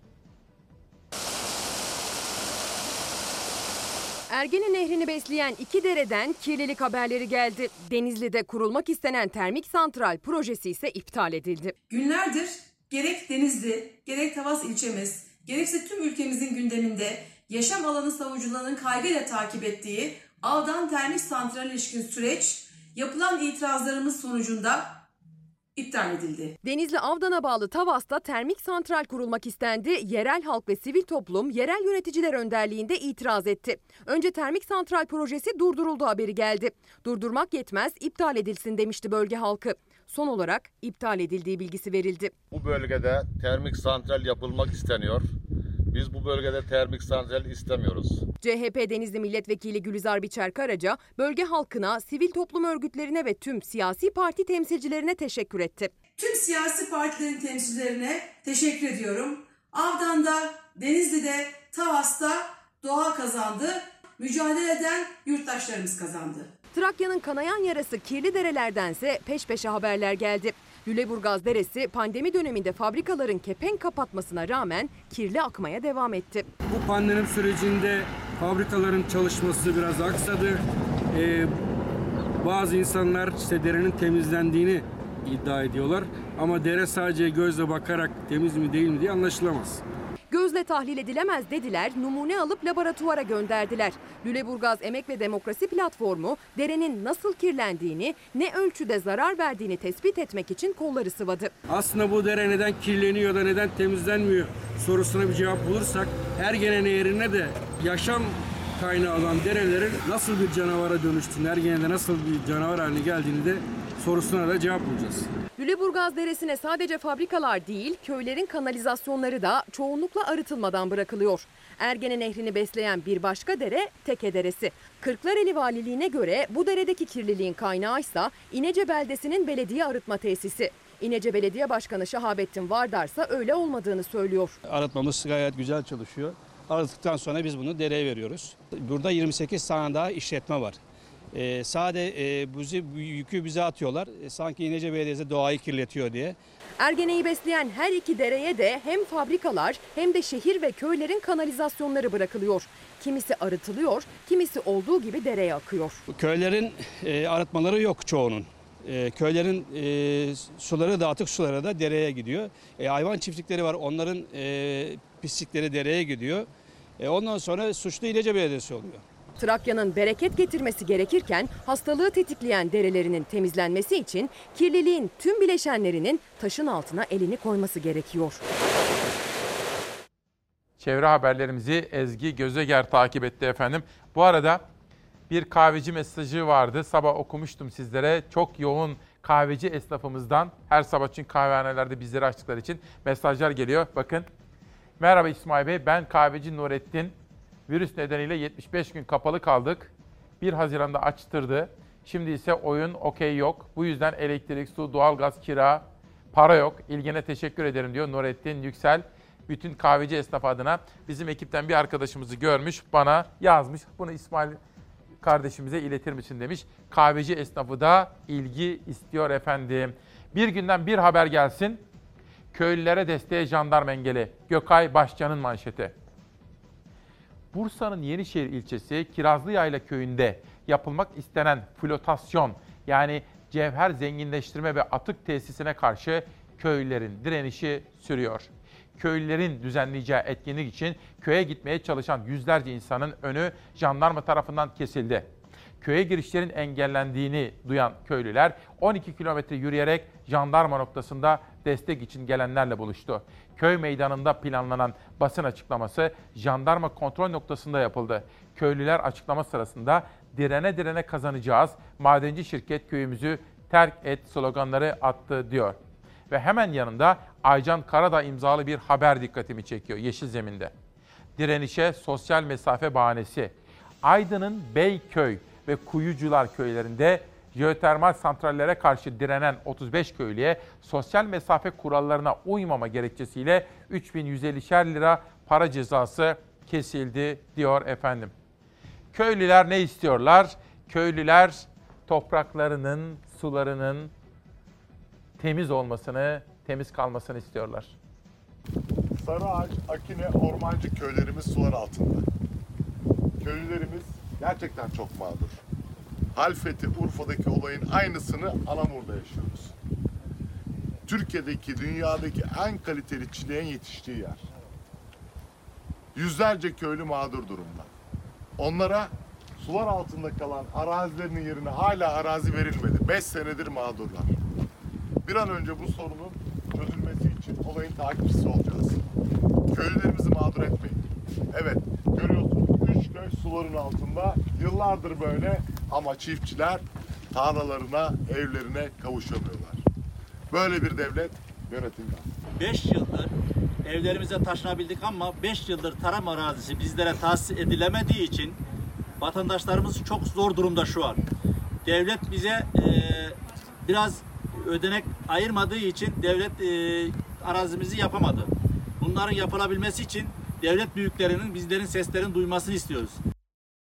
Bütün bunlar mutlaka size iletmek istediğimiz haberler. Çünkü efendim bizim dışımızda başka hiçbir yerde bu haberleri sizlere sunmuyorlar maalesef. Dikkatinizi oraya çekmenizi istemiyorlar.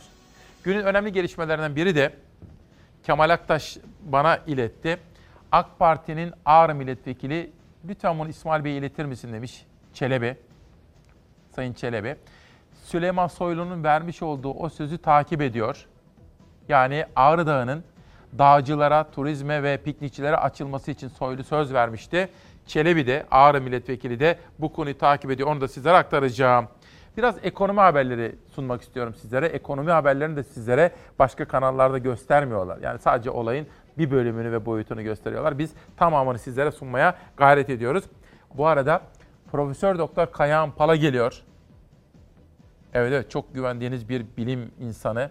Kayahan Pala ile bu koronanın geldiği nokta, normalleşme, hızlı mıyız? 65 yaşın üzerindekilere ne yapacağız, çocuklarımız ne yapsın gibi her bir soruyu soracağım. Kayahan Pala, İsmail Küçükkaya Demokrasi Meydanı geliyor biraz sonra efendim. Milli Gazete'deki bu çiftçi haberi, çiftçi elektrik çarptı haberinden sonra Günaydın'da bir haber dikkatimi çekti. Bakın. Bu da Dilek Yaman Demir'in haberi. Ben önemsedim bu haberi. Meraklı bankacıya çifte darbe. Şeyma Subaşı'nın hesap hareketlerini kayda alıp sosyal medyada ifşa ettiği öne sürülen bankacı hesaba meraktan baktım dedi. İşinden olan bankacıya dava açıldı. 9 yıla kadar hapsi isteniyor. Bence çok konuşulur bu haber. Bir süre önce Şeyma Subaşı'nın özel bir bankada bulunan hesabının detayları sosyal medyada dolaşmaya başladı. Görüntülerde Acun Ilıcalı'dan her ay gelen 125 bin liralık nafakanın dökümleri bulunuyordu. Durumu fark edip inceleme yapan banka, bilgileri sızdıran kişinin kredi izleme ve analiz bölümünde çalışan Fulya A olduğunu belirledi. Bu bankacı işinden oldu. Çalıştığı banka ise onu savcılığa ihbar etti. Fulya A, magazinde çıkan haberlerden dolayı Şeyma Subaşı'nın hesabını merak ettiğini, bu nedenle görüntüyü kayda aldığını ama kimseye vermediğini belirtti. 3 yıldan 9 yıla kadar hapsi istenen banka görevlisi Asya Ceza Mahkemesi'nde yargılanacak diyor efendim. Bu da günün dikkate değer haberlerinden bir tanesiydi. Ekonomi. Başka hiçbir kanalda göstermeseler de biz ekonominin hali pür melalini, genel görünümünü sizlere sunmak zorundayız. Çünkü görevimiz bu. Türkiye'de sadece işsizlik artmıyor. Aynı zamanda istihdam da daralıyor. İstihdam konusunda çok ciddi bir paket hazırlanıyor. Bu ay içinde gelişmelere sahip olacağız. İşsiz sayısı son açıklanan verilere göre 4 milyon 228 bin. Koronavirüs salgınının ilk hissedildiği Mart ayı verisi beklenirken Hazine ve Maliye Bakanı Berat Albayrak geniş kapsamlı yeni bir istihdam paketi hazırlıyoruz dedi. Disk inandırıcı bulmadı. Bakanın 2019 yılı için koyduğu istihdam hedefini hatırlattı. 2019 yılında 2,5 milyon yeni istihdamı hayata geçireceğiz. Krizin başladığı 2018 yılı Ağustos ayından son açıklanan Şubat ayı işsizlik rakamlarını karşılaştırdığımızda ne yazık ki 2,5 milyon yeni istihdamı bırakın 2,5 milyon istihdamda kayıp oldu. Ne oldu? Güzel haberler var mı? Hiç güzel haber yok.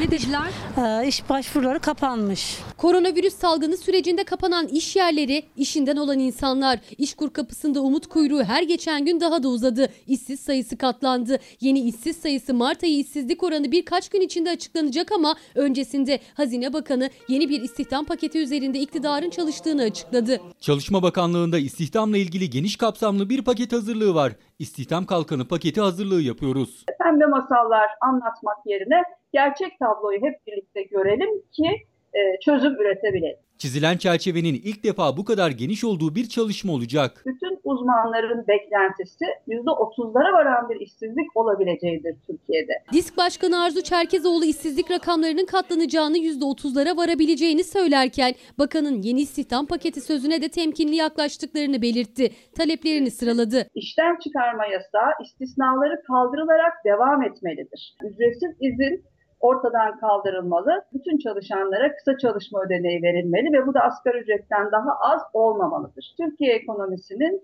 kalıcı, güvenceli istihdam yaratacak, üretime dayalı bir ekonomik modele geçilmesi ve kamu istihdamının artırılması lazımdır. CHP'de 17 Temmuz'da süresi dolacak olan işten çıkarma yasağıyla ücretsiz izne gönderilenlere kısa çalışma ödeneği ödenmesinin 3 ay daha uzatılmasını istiyor. Asgari ücretin yeniden belirlenmesini. Bu temel yapısal adımlar atılmadan Türkiye'de istihdamın artmayacağı, işsizliğin azalmayacağı açık Türkiye ekonomisinin kaynakları bütün bu adımları atmak için yeterlidir. Bakan Berat Albayrak'ın istihdam paketi sözü sonrası gözler Çalışma Bakanlığı'nın yaptığı çalışmaya çevrildi. Yeni pakette işsizin kırmızı çizgimiz dediği kıdem tazminatı ile ilgili bir düzenleme olacak mı? Merak konusu. Kıdem tazminatı hakkının gasp edilmesi hükümetin sürekli olarak gündeminde. Bu kadar yüksek işsizliğin olduğu, güvencesizliğin olduğu bir süreçte bir de kıdem tazminatına el uzatılması gibi bir yaklaşımı asla kabul etmeyiz. Manisa'da bir kuyruk var. Acaba o neyin kuyruğu? Onu da sizlere sunacağım efendim. Ama ha, siyasette bir tartışma var. CHP lideri diyor ki Fikret Bilan soruları üzerine iktidar bizi, bizim tabanımızı sokağa dökmek istiyor. Provokasyonlar peşinde. Ama biz bu oyuna gelmeyeceğiz. Çünkü biz seçim sonucunda demokrasiyle bu iktidarı alacağız ve bu iktidarı değiştireceğiz diyor. Ama hiçbir şekilde sokağa çıkmayacaklarını söylüyor. O haberi sizlere okuyacağım. Ama önce Hilal hazır mıyız? Çiftçi haberi. Tarlaya girerken pantola çorabisine koyup güvenliğimizi o şekilde alıyoruz. Açık renkli kıyafetlerle ve uzun kollu kıyafetler giymesi gerekiyor. Neden açık renkli? Çünkü koyu renkte kene bulaştırıcı göremeyiz. Neden uzun kollu? Çünkü çıplak vücuda çok rahat kene temas edebilir. Türkiye'nin pek çok yerinde kene vakaları arttı. Uzmanlar uyarıyor. Tarlada çalışacaklar, hayvan otlatmak için araziye çıkacaklar, uzun kollu ve açık renkli giymeli. Doçent Doktor Nilgün Ulutaş Demir, vatandaşa eğitim verilmeli diyor. Kırım Kongo kanamalı ateşi hastalığının yayılmasından korkuluyor. Arazide de çok, kapıda da çok, bahçede de çok, evin içine de giriyorlar. Tokat ve Gümüşhane'den geldi kene haberleri. Kırım Kongo kanamalı ateşine neden olan keneler hem hayvanlar hem de insanlar için risk. Kırım Kongo hastalığının bulaşıcılığı ise Covid-19'a göre 3 kat daha fazla diyor uzmanlar. Üstelik ilacı ve aşısı da yok. Çok mallarda, mallar hep gene dolu. Gene dağda da çok, çobanlara da yapışıyor. İnekleri sağarken bize de yapışıyorlar. Kenenin en büyük düşmanı keklik ve tavuktur. Bunlar da arazide az olduğundan, olanlar da avlandığından kenenin yayılmasına neden olabiliyor. Son 3 yıldır vakaların arttığını anlatan Gümüşhaneli çiftçi Ahmet Çelik, keklik avcılığındaki kontrolsüzlüğe dikkat çekti. Tokatlı çiftçi Bekir Gülal ise kene ilacı talep etti. Her sene ilaç veriliyordu, bu sene verilmedi. Niğde ve Aksaray'dansa çiftçinin dolu ve fırtına nedeniyle uğradığı zararın haberi geldi. 10-15 gün sonra ne yapacağız bilmiyorum. Borçlarımızın günü gelecek, ertelenmesi icap edecek. Ondan sonra bizim bu zararımız nasıl tayin olacak? Devletimizden büyük yardım bekliyoruz. Devletimiz büyük. Niğde'nin Çiftlik ilçesinde fırtına ve beraberinde etkili olan ceviz büyüklüğünde dolu tarladaki ürünü talan etti. Buğday ve arpa tarlalarında zararın %100'e yakın olduğunu söylüyor çiftçi. Meydana gelen afet ortada. Bakıldığı zaman yüzde yüz ürün kaybı var. Çünkü artık burada ürün diye bir şey yok. O kadar umutlu oldukları üründen ne yazık ki geriye yalnızca sap kaldı. Buğday ve arpayı tarladan kaldırıp ikinci ürünü ekmeyi planlıyor çiftçiler. Ancak bu plan maliyet demek. Üstelik tarım sigortası olmayanlar çoğunlukta. Ben geçen yıl Tarsim'e sigorta yaptırdım. Ve yüzde 40 zararı yüzde 20 gibi e, keşfedildi. Bir kuruş Tarsim'den almadım ve bu sene de yaptırmadım. Geçen yıl yaşadığı dolu afetinden sonra Tarsim'e 3 kez dosya gönderdiğini söyleyen çiftçi kaybının telafi edilmediğini anlatıyor. Bu yıl sigorta yaptırmamış. Niğdeli çiftçiler bölgenin afet bölgesi ilan edilmesini istiyor. Bunların bölgenin afet bölgesi ilan edilip derhal ertelenmesi, faizlerinin silinmesi ve yeni ekim yapabilmeleri için çiftçiye ayrıca destek verilmesi gerekiyor. Tarım ve üreticiye dair haberlere devam edeceğiz. Dün Diyarbakır'dan Mutlu hani erkek şiddetine uğramıştı ve engelli kalmıştı. Hatta ablasını da kaybetmişti erkek şiddeti nedeniyle. Onunla konuştum. Onun haberi hazır. Onu da sizlere sunacağım. Ama önce biraz bu korona haberlerine de bakmak istiyorum. Müjgan, Eğirdir'de bir aşk hikayesi Adile Türkan Türk yazmış, imzalamış ve bize göndermiş. Ona çok teşekkür ediyorum. Yurdumuzdan koronaya dair günlük rapor.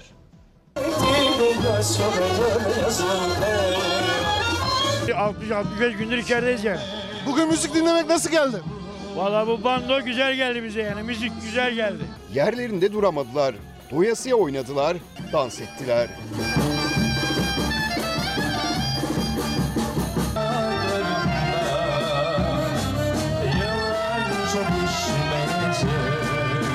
Türkiye genelinde 65 yaş ve üstü vatandaşlar 5. kez sokağa çıktı. Edirne'den Adana'ya, Diyarbakır'dan İzmir'e görüntüler hep aynıydı. Geliyoruz böyle parkta yürüyüş yapıyoruz, oturuyoruz. Ondan sonra yine hapishaneye dönüyoruz. 65 yaş ve üstü heyecanla o anı bekledi. Saatler 2'yi gösterdiğinde güzel havayı fırsat bilen vatandaşlar park ve bahçelere akın etti. Çarşıya inemiyorum. Bankada işlerim oluyor, yapamıyorum. Üzülüyorum şahsen. Çünkü neden bunu pazar günü yapacaklarına başka bir gün yapsalar olmaz mıydı? Edirne'de belediye bandosu kent merkezindeki polis parkında konser verdi. Canlı müzik dinleme fırsatı bulan vatandaşlar mutluydu. Ne mutlu bugüne. Ne mutlu Allah versin herkeslere, iyilik versin. Havaların iyice ısınmasıyla plajlar hareketlendi. Ege ve Akdeniz sahilleri denizin keyfini çıkaran vatandaşlarla doldu. Birçok yerde sosyal mesafe kuralı hiçe sayıldı. Bursa'da bir binanın çatı katında horoz dövüşü yapıldığı ihbarı üzerine polis harekete geçti. Sosyal mesafe kuralını ihlal ettikleri ve kumar oynadıkları gerekçesiyle 47 kişiye toplam 206.800 lira para cezası kesildi. Bursa'da salgın tedbirleri kapsamında kapalı olan ikinci el otopazarına araç satmaya gelen vatandaşlar polisin anonsu üzerine nereye kaçacaklarını şaşırdı. Diyarbakır'da bir apartmanın bodrum katında eğlenen 24 kişi polise yakalandı. Gruba 66.160 lira para cezası kesildi. Depoyu kumarhaneye çevirmişler. İzmit'te 5 katlı bir apartmanda oturan 9 kişinin koronavirüs testi pozitif çıktı. 38 kişinin yaşadığı apartman karantinaya alındı. Teyze bu karantinaya alındı. Askere gitmeden önce baba ocağı Diyarbakır'ı ziyaret eden ED'nin koronavirüs testi de pozitif çıktı. ED'nin 70 kişiyle temas ettiği belirlenince 980 nüfuslu mahalle karantinaya alındı. Kayahan Pala hocamla konuşacağız ama hani bir gazeteci olarak böyle içimi cız ettiren haberler. Ne zaman ben bir gazeteci gözaltına alındı haberi görsem böyle olurum. Kendimi iyi hissetmem. Üzülürüm çünkü. Gazeteci için üzülürüm de ülkem için üzülürüm asıl. Bakın son dakika gazeteci Müyesser Yıldız gözaltına alındı. Hem Cumhuriyet'te görüyorum şimdi haberi hem Oda TV'de görüyorum. Müyesser Yıldız gözaltına alındı. Gazeteci İsmail Dükel gözaltına alındı. Yıldırım Kaya CHP'den bir açıklama yapmış. Yine bir gazeteci sabahın kör karanlığında evinden baskınla alındı. Gazetecinin özgür olmadığı ülkelerde demokrasi var mıdır? Tele1 Ankara temsilcisi İsmail Dükel sabah saatlerinde gözaltına alındı. Gazeteciye bu muamelenin yapılmasını kınıyorum diyor Yıldırım Kaya. İki gazeteciye gözaltı. Acaba nedir? Biz bugün bu konuları da araştıralım efendim. Bakın Tele1'in temsilcisiydi İsmail Dükel. Arkadaşım Merdan Yanar da paylaşmış. Tele1 Ankara temsilcisi İsmail Dükel bu sabah 7.30'da gözaltına alındı. Gözaltına alınma nedeni bilinmiyor. Savcılığın 4 gün gözaltı süresi vermiş. Savcılığa çağrılarak ifadesi alınabilecek bir gazetecinin böyle gözaltına alınması demokrasilerde olmaz, olmamalıdır diyor Merdan Yanar da. Tekrar etmek istiyorum. Oda TV'deki yazılarıyla da tanıdığımız herhalde bu 30-35 yıllık bir gazetecidir. Ankara gazetecisi Müyesser Yıldız'ın da gözaltına alındığına dair haberler geldi. Cumhuriyet Gazetesi'nde ve Oda TV'de gördüm efendim. Bu konuları takip edeceğim. Tevfik Diker, Yunus Emre'nin Atayurdu İbrala Yeşildere isimli kitabıyla bu sabah Çalar Saat'te. Peki en son Pencere gazetesinde kalmıştım. Erdoğan'ın oyununu bozmalıyız. CHP'li Enis Berberoğlu ve HDP'li iki ismin vekilliğinin düşürülmesinin Erdoğan'ın gerilim yaratma politikasının sonucu olduğunu söyleyen CHP lideri Kılıçdaroğlu, biz bu tuzağa düşmeyeceğiz, bu oyunu bozacağız dedi. Şimdi özetlemek isterim. Fikret Bilay yaptığı açıklamalar, başka yaptığı açıklamalar veya bugün İbrahim Uslu'nun Cumhuriyet'te İpek Özbey'e verdiği röportajdan ana fikir veya Yıldıray Oğur'un bugün karardaki yazısından ana fikir. Özetle şu, hepsinin ortak noktası.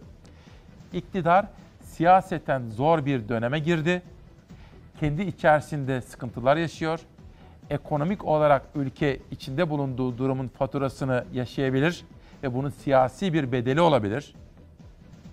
Bu nedenle gündemi değiştirmek ve bir takım provokatif eylemlerle CHP tabanını sokağa dökmek istiyorlar.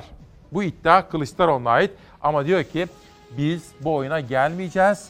Biz seçimlere hazırlanacağız. İstanbul Milletvekili Kadri Enes Berberoğlu milletvekillikleri düşmüştür. Sayın Berberoğlu'yla ilgili olan e, dosyada e, 26. dönem yani e, şu an 27. dönemdeyiz. 26.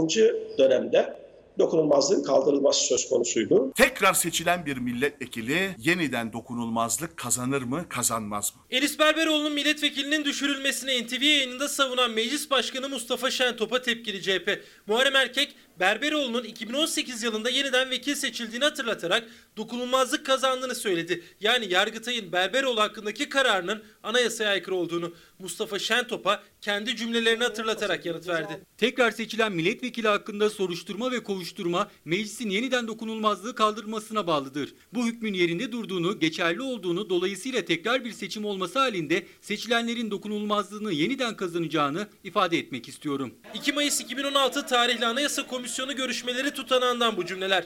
Mustafa Şentop o dönem Anayasa Komisyonu Başkanıydı. Hakkındaki bir soruşturma nedeniyle dokunulmazlığı kaldırılan bir kişi yeniden vekil seçilirse dokunulmazlık kazanır demişti. CHP de bu sözleri ve anayasanın 83. maddesini hatırlatarak Enis Berberoğlu'nun 2018 yılında dosyası Yargıtay'da görüşülürken vekil seçildiğini hatırlattı. Yani dokunulmazlık kazandığını. Sayın Enis Berberoğlu son genel seçimde milletvekili olarak seçildiğinde dosyası Yargıtay'da incelemedeydi. Bu dokunulmazlığın tekrar seçilmeyle kazanılamayacağına dair çoğunluk görüşü Yargıtay Ceza Dairesi'nin var. Anayasanın 83. maddesinin 4. fıkrası kapı gibi orada duruyor. Ne diyor anayasa? Tekrar seçilen milletvekili hakkında soruşturma ya da kovuşturma yeniden dokunulmazlığının kaldırılmasına bağlıdır. Yargıtay'ın kararının anayasaya aykırı olup olmadığı tartışması yapılabilir. Anayasayı ayaklar altına aldınız. Milletvekili dokunulmazlığı ile ilgili beklentiler karşılanmalıdır. MHP liderinin bu açıklamasının HDP ve CHP'li isimlerin milletvekilliklerinin düşürülmesinde etkili olduğu yorumları yapılıyor.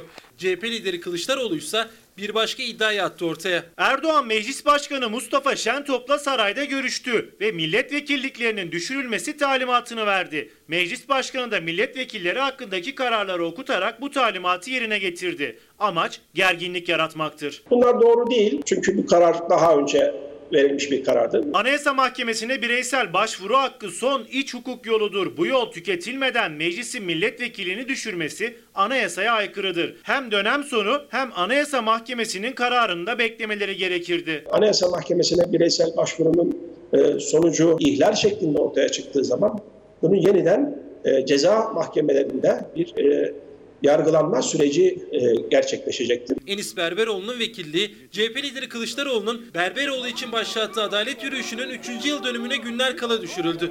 Kılıçdaroğlu, gazeteci Fikret Bile'ye yaptığı açıklamada bugünün şartlarında yeni bir adalet yürüyüşü yanlış dedi. Bugün koşullar farklı. Bu koşullarda böyle bir yürüyüşü yanlış buluyorum. Gerginlik yaratacak, provokasyonlara açık eylemlerden uzak durmalıyız.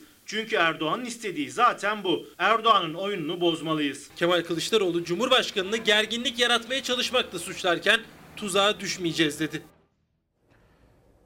Şimdi herkeslerden önce öğrenin. Gün içerisinde çok konuşulacak bu önemli konuda Yetkin Report'ta bir yazı, bir haber analiz dikkatimi çekti. İddia şu. Kılıçdaroğlu diyor ki Cumhurbaşkanı Erdoğan aynı zamanda AK Parti lideri biliyorsunuz. Meclis Başkanı'na talimat verdi bu konuda. Bu konular yazılıp çizilince Yetkin Report'ta Meclis Başkanı Şentop da dün akşam itibariyle bir açıklama göndermiş Murat Yetkin'e. O da Yetkin Report'ta bunu yazmış. Bu iddiaların asılsız olduğunu söylüyor. Bunlar ucuz numaralar diyor Meclis Başkanı Mustafa Şentop. Onları da size söyleyelim. Ve hepsini yalanlıyor efendim. Onu size not olarak aktarmış olayım. Bu arada Buldan da yine aynı yazının içerisinde Buldan amaç demokratik tepki halkı sokağa dökmek değil diye bir açıklama da yapmış. Buldan'ın da yapmış olduğu açıklamalar böyle. Tekrar etmek isterim. Müesser Yıldız ve İsmail Dükel gözaltına alındı. Müesser Yıldız FETÖ zamanında da FETÖ kumpasları zamanında da gözaltına alınmış bir Ankara gazetecisiydi. Onun da altını çizelim. Bugün yayından sonra da bu konuyu araştıracağım. Sizlere yarın haberler aktaracağım efendim. Ama şu anda da takip ediyoruz. Diyarbakır. Diyarbakır'da 200 yeni vaka. Çin'in Wuhan kentinde ortaya çıkan koronavirüs kısa sürede tüm dünyayı etkisi altına alarak salgın haline dönüştü. Diyarbakır'da son 6 gün içinde koronavirüs nedeniyle 200 kişi hastanede tedavi altına alındı. Ve Diyarbakır'dan Çankırı'ya geçelim. İsteyen maskesini çıkarabilir. Milli Eğitim Bakanı'nın sınavlara ilişkin yapmış olduğu o açıklamayı az evvel sizlere sunmuştuk. Çankırı gazetesi de çocuklarımızı ilgilendiren bu haberi isteyen sınavda maskesini çıkartabilecek diyerek manşete aktarmış. Akdeniz'deyim, Antalya, Hürses gazetesi. Restoran ve kafeler bu kez de saate takıldı. Pandemi nedeniyle ekonomik sıkıntı içine giren, yaklaşık iki aydır kapalı olan 1 Haziran itibariyle de yeniden açılan restoran ve kafeler bu kez de saat kısıtlamasına takıldı. Akşam saat 22'de kapanmak zorunda olan işletme sahipleri yaz döneminde bu uygulamanın kaldırılmasını istiyor. Antalya gazetesinde Hürses'te dikkatimizi çekti. Geçelim bir sonraki manşete. Son haber Eskişehir'deyim. Siftahsız kapattık. Koronavirüs salgını nedeniyle boş kalan tarihi odun pazarı bölgesinde normalleşme sürecinin başlamasıyla dükkanlar açıldı. Müşteri bekleyen esnaf günlerdir siftah yapamamaktan şikayet ediyor. Bu da Meltem Karakaşkaya'nın haberi. Hemen yanında CHP liderini görüyorsunuz. CHP tarım heyeti çiftçiyi dinleyecek. CHP Genel Başkanı Kılıçdaroğlu 15-25 Mayıs'ta yaşanan doğal afetlerin tarımsal üretim ve çiftçilere etkilerini araştırmak amacıyla milletvekillerine talimat verdi. Eskişehir'in de aralarında olduğu 19 ili ziyaret edecek olan CHP'nin tarım heyeti hem afetin ortaya çıkardığı zararları inceleyecek hem de çiftçinin derdini dinleyerek bir rapor hazırlayarak CHP lideri Kılıçdaroğlu'na sunacaklar. İç Anadolu'dan Akdeniz'e geçiyorum. Adana'dayız. Sürmanşete çıkıyoruz doğrudan en tepeye. Logonun üstüne bakıyoruz. Vergi ve SSK borçları affedilsin diyor. CHP'li Sümer'den esnaf ve şoför reçetesi.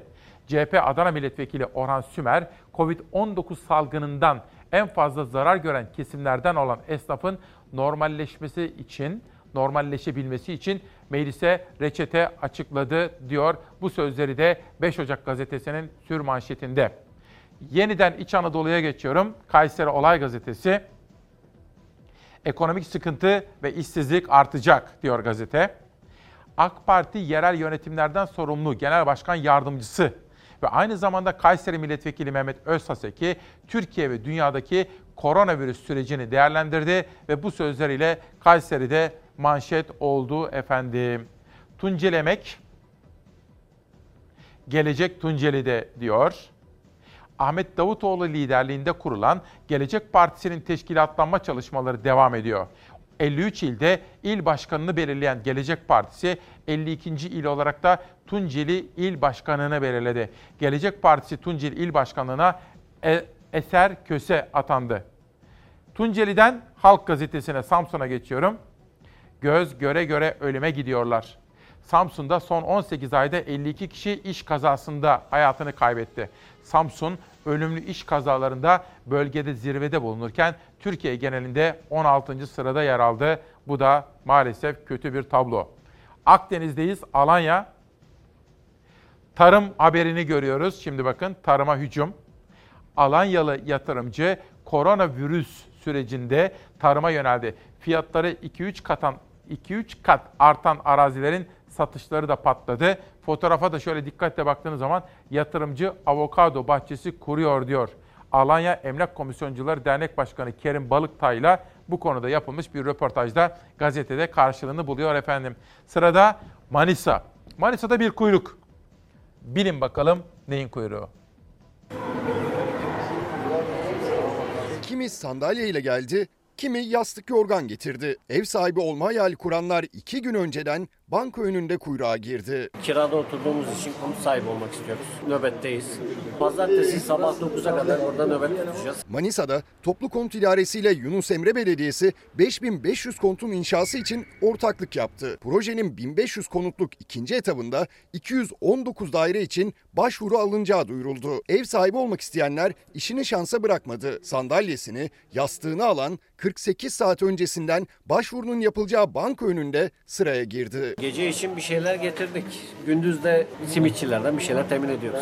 Yakınlarıyla nöbetleşerek bekleyen vatandaşlar geceyi geçirmek için yanlarında yiyecek ve içecek getirmeyi ihmal etmedi. Karışıklıkları önlemek için de aralarından seçtikleri bir kişi kuyruk sorumlusu yapıldı. İlk sırada ben olduğum için bu görevi bana verdiler. Gelen arkadaşı sıra numarası vererek kaydediyorum. Saat 11'de geldim. 11'den beri ben buradayım. Ev sahibi olmak isteyenlerin nöbeti pazartesi sabahı bankanın açılacağı saate kadar sürecek. Fiyatı 140 ile 240 bin lira arasında değişen farklı büyüklüklerdeki konutlar başvuru önceliğine göre satılacak. 40 saat sonra satış açılacak. Herkes önceden evi alabilmek için erkenden geldi. Yani inşallah sıra gelir alırız. En çok gelen mesajlardan biri 65 yaş.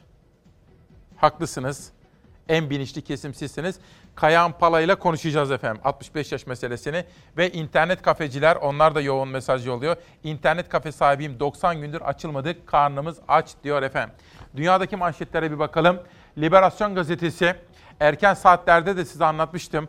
Amerika'da meydana gelen şiddet olayları ve gösteriler, protesto eylemleri ve bunun bütün dünyaya yayılması manşette. Polis şiddetinde küresel öfke. Londra'dan Sidney'e, Roma'dan Paris'e kadar Floyd'un polis tarafından ölümü sonrasında ırkçılık karşıtı gösteriler. Liberasyon'un manşeti. Independent'a geçiyorum. Independent gazetesinde işte Amerika'da yaşanan bu olayların Avrupa'ya nasıl yansıdığını göz, gözler önüne seriyoruz. Ve burada da protestocular bir heykeli indirdiler. Ama o heykel aslında tarihte neydi? Şuydu. Köle tacirinin heykeli yapılmıştı. Onu da indirdiler. Köle tüccarının. Ve şimdi size dünyanın manşeti.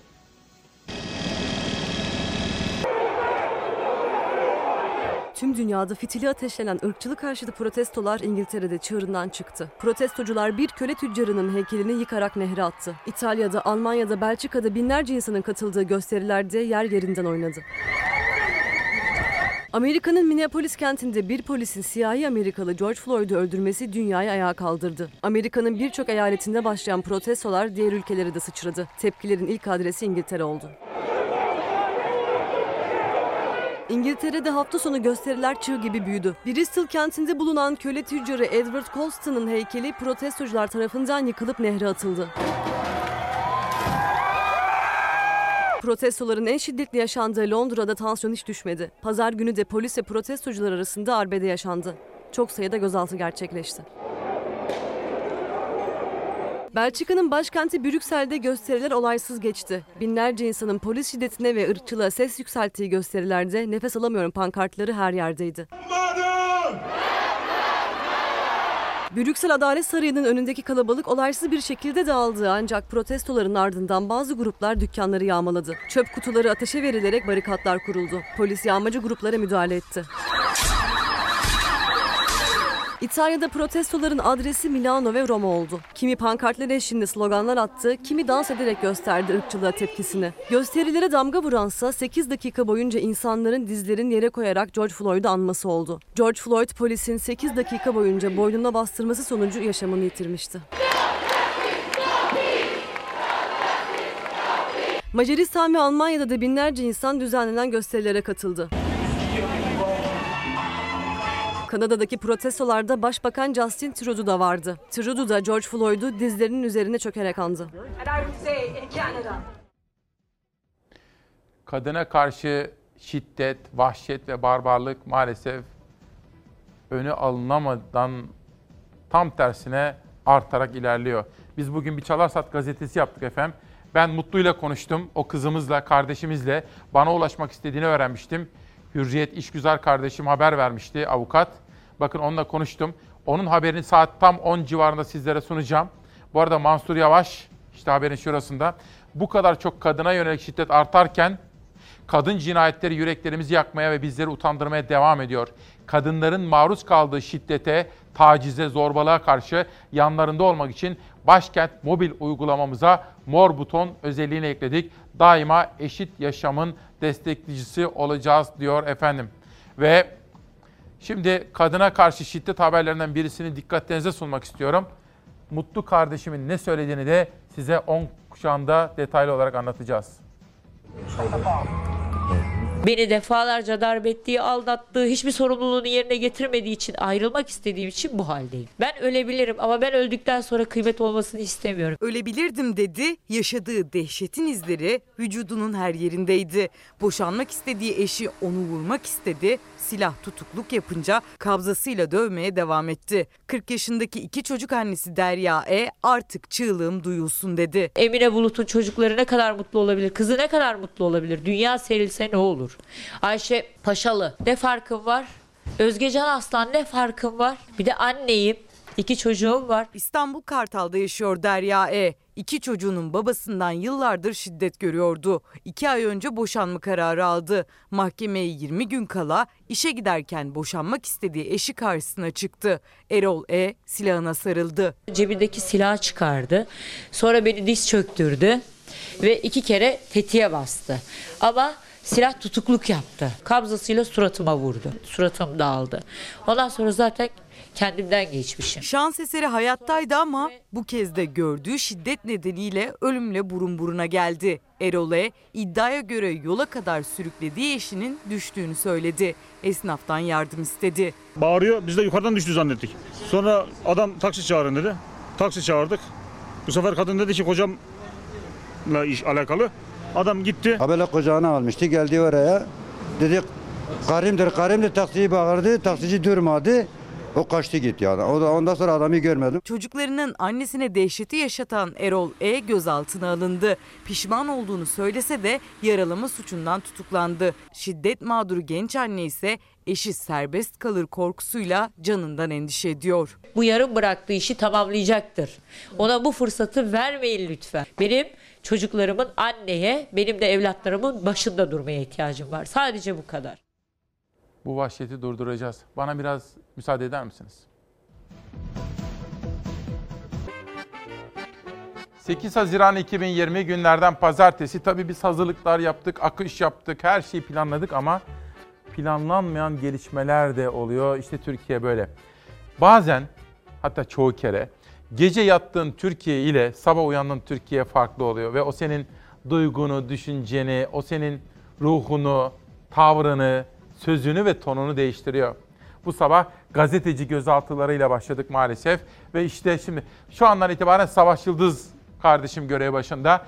Merdan Yanardağ'ın bir paylaşımı.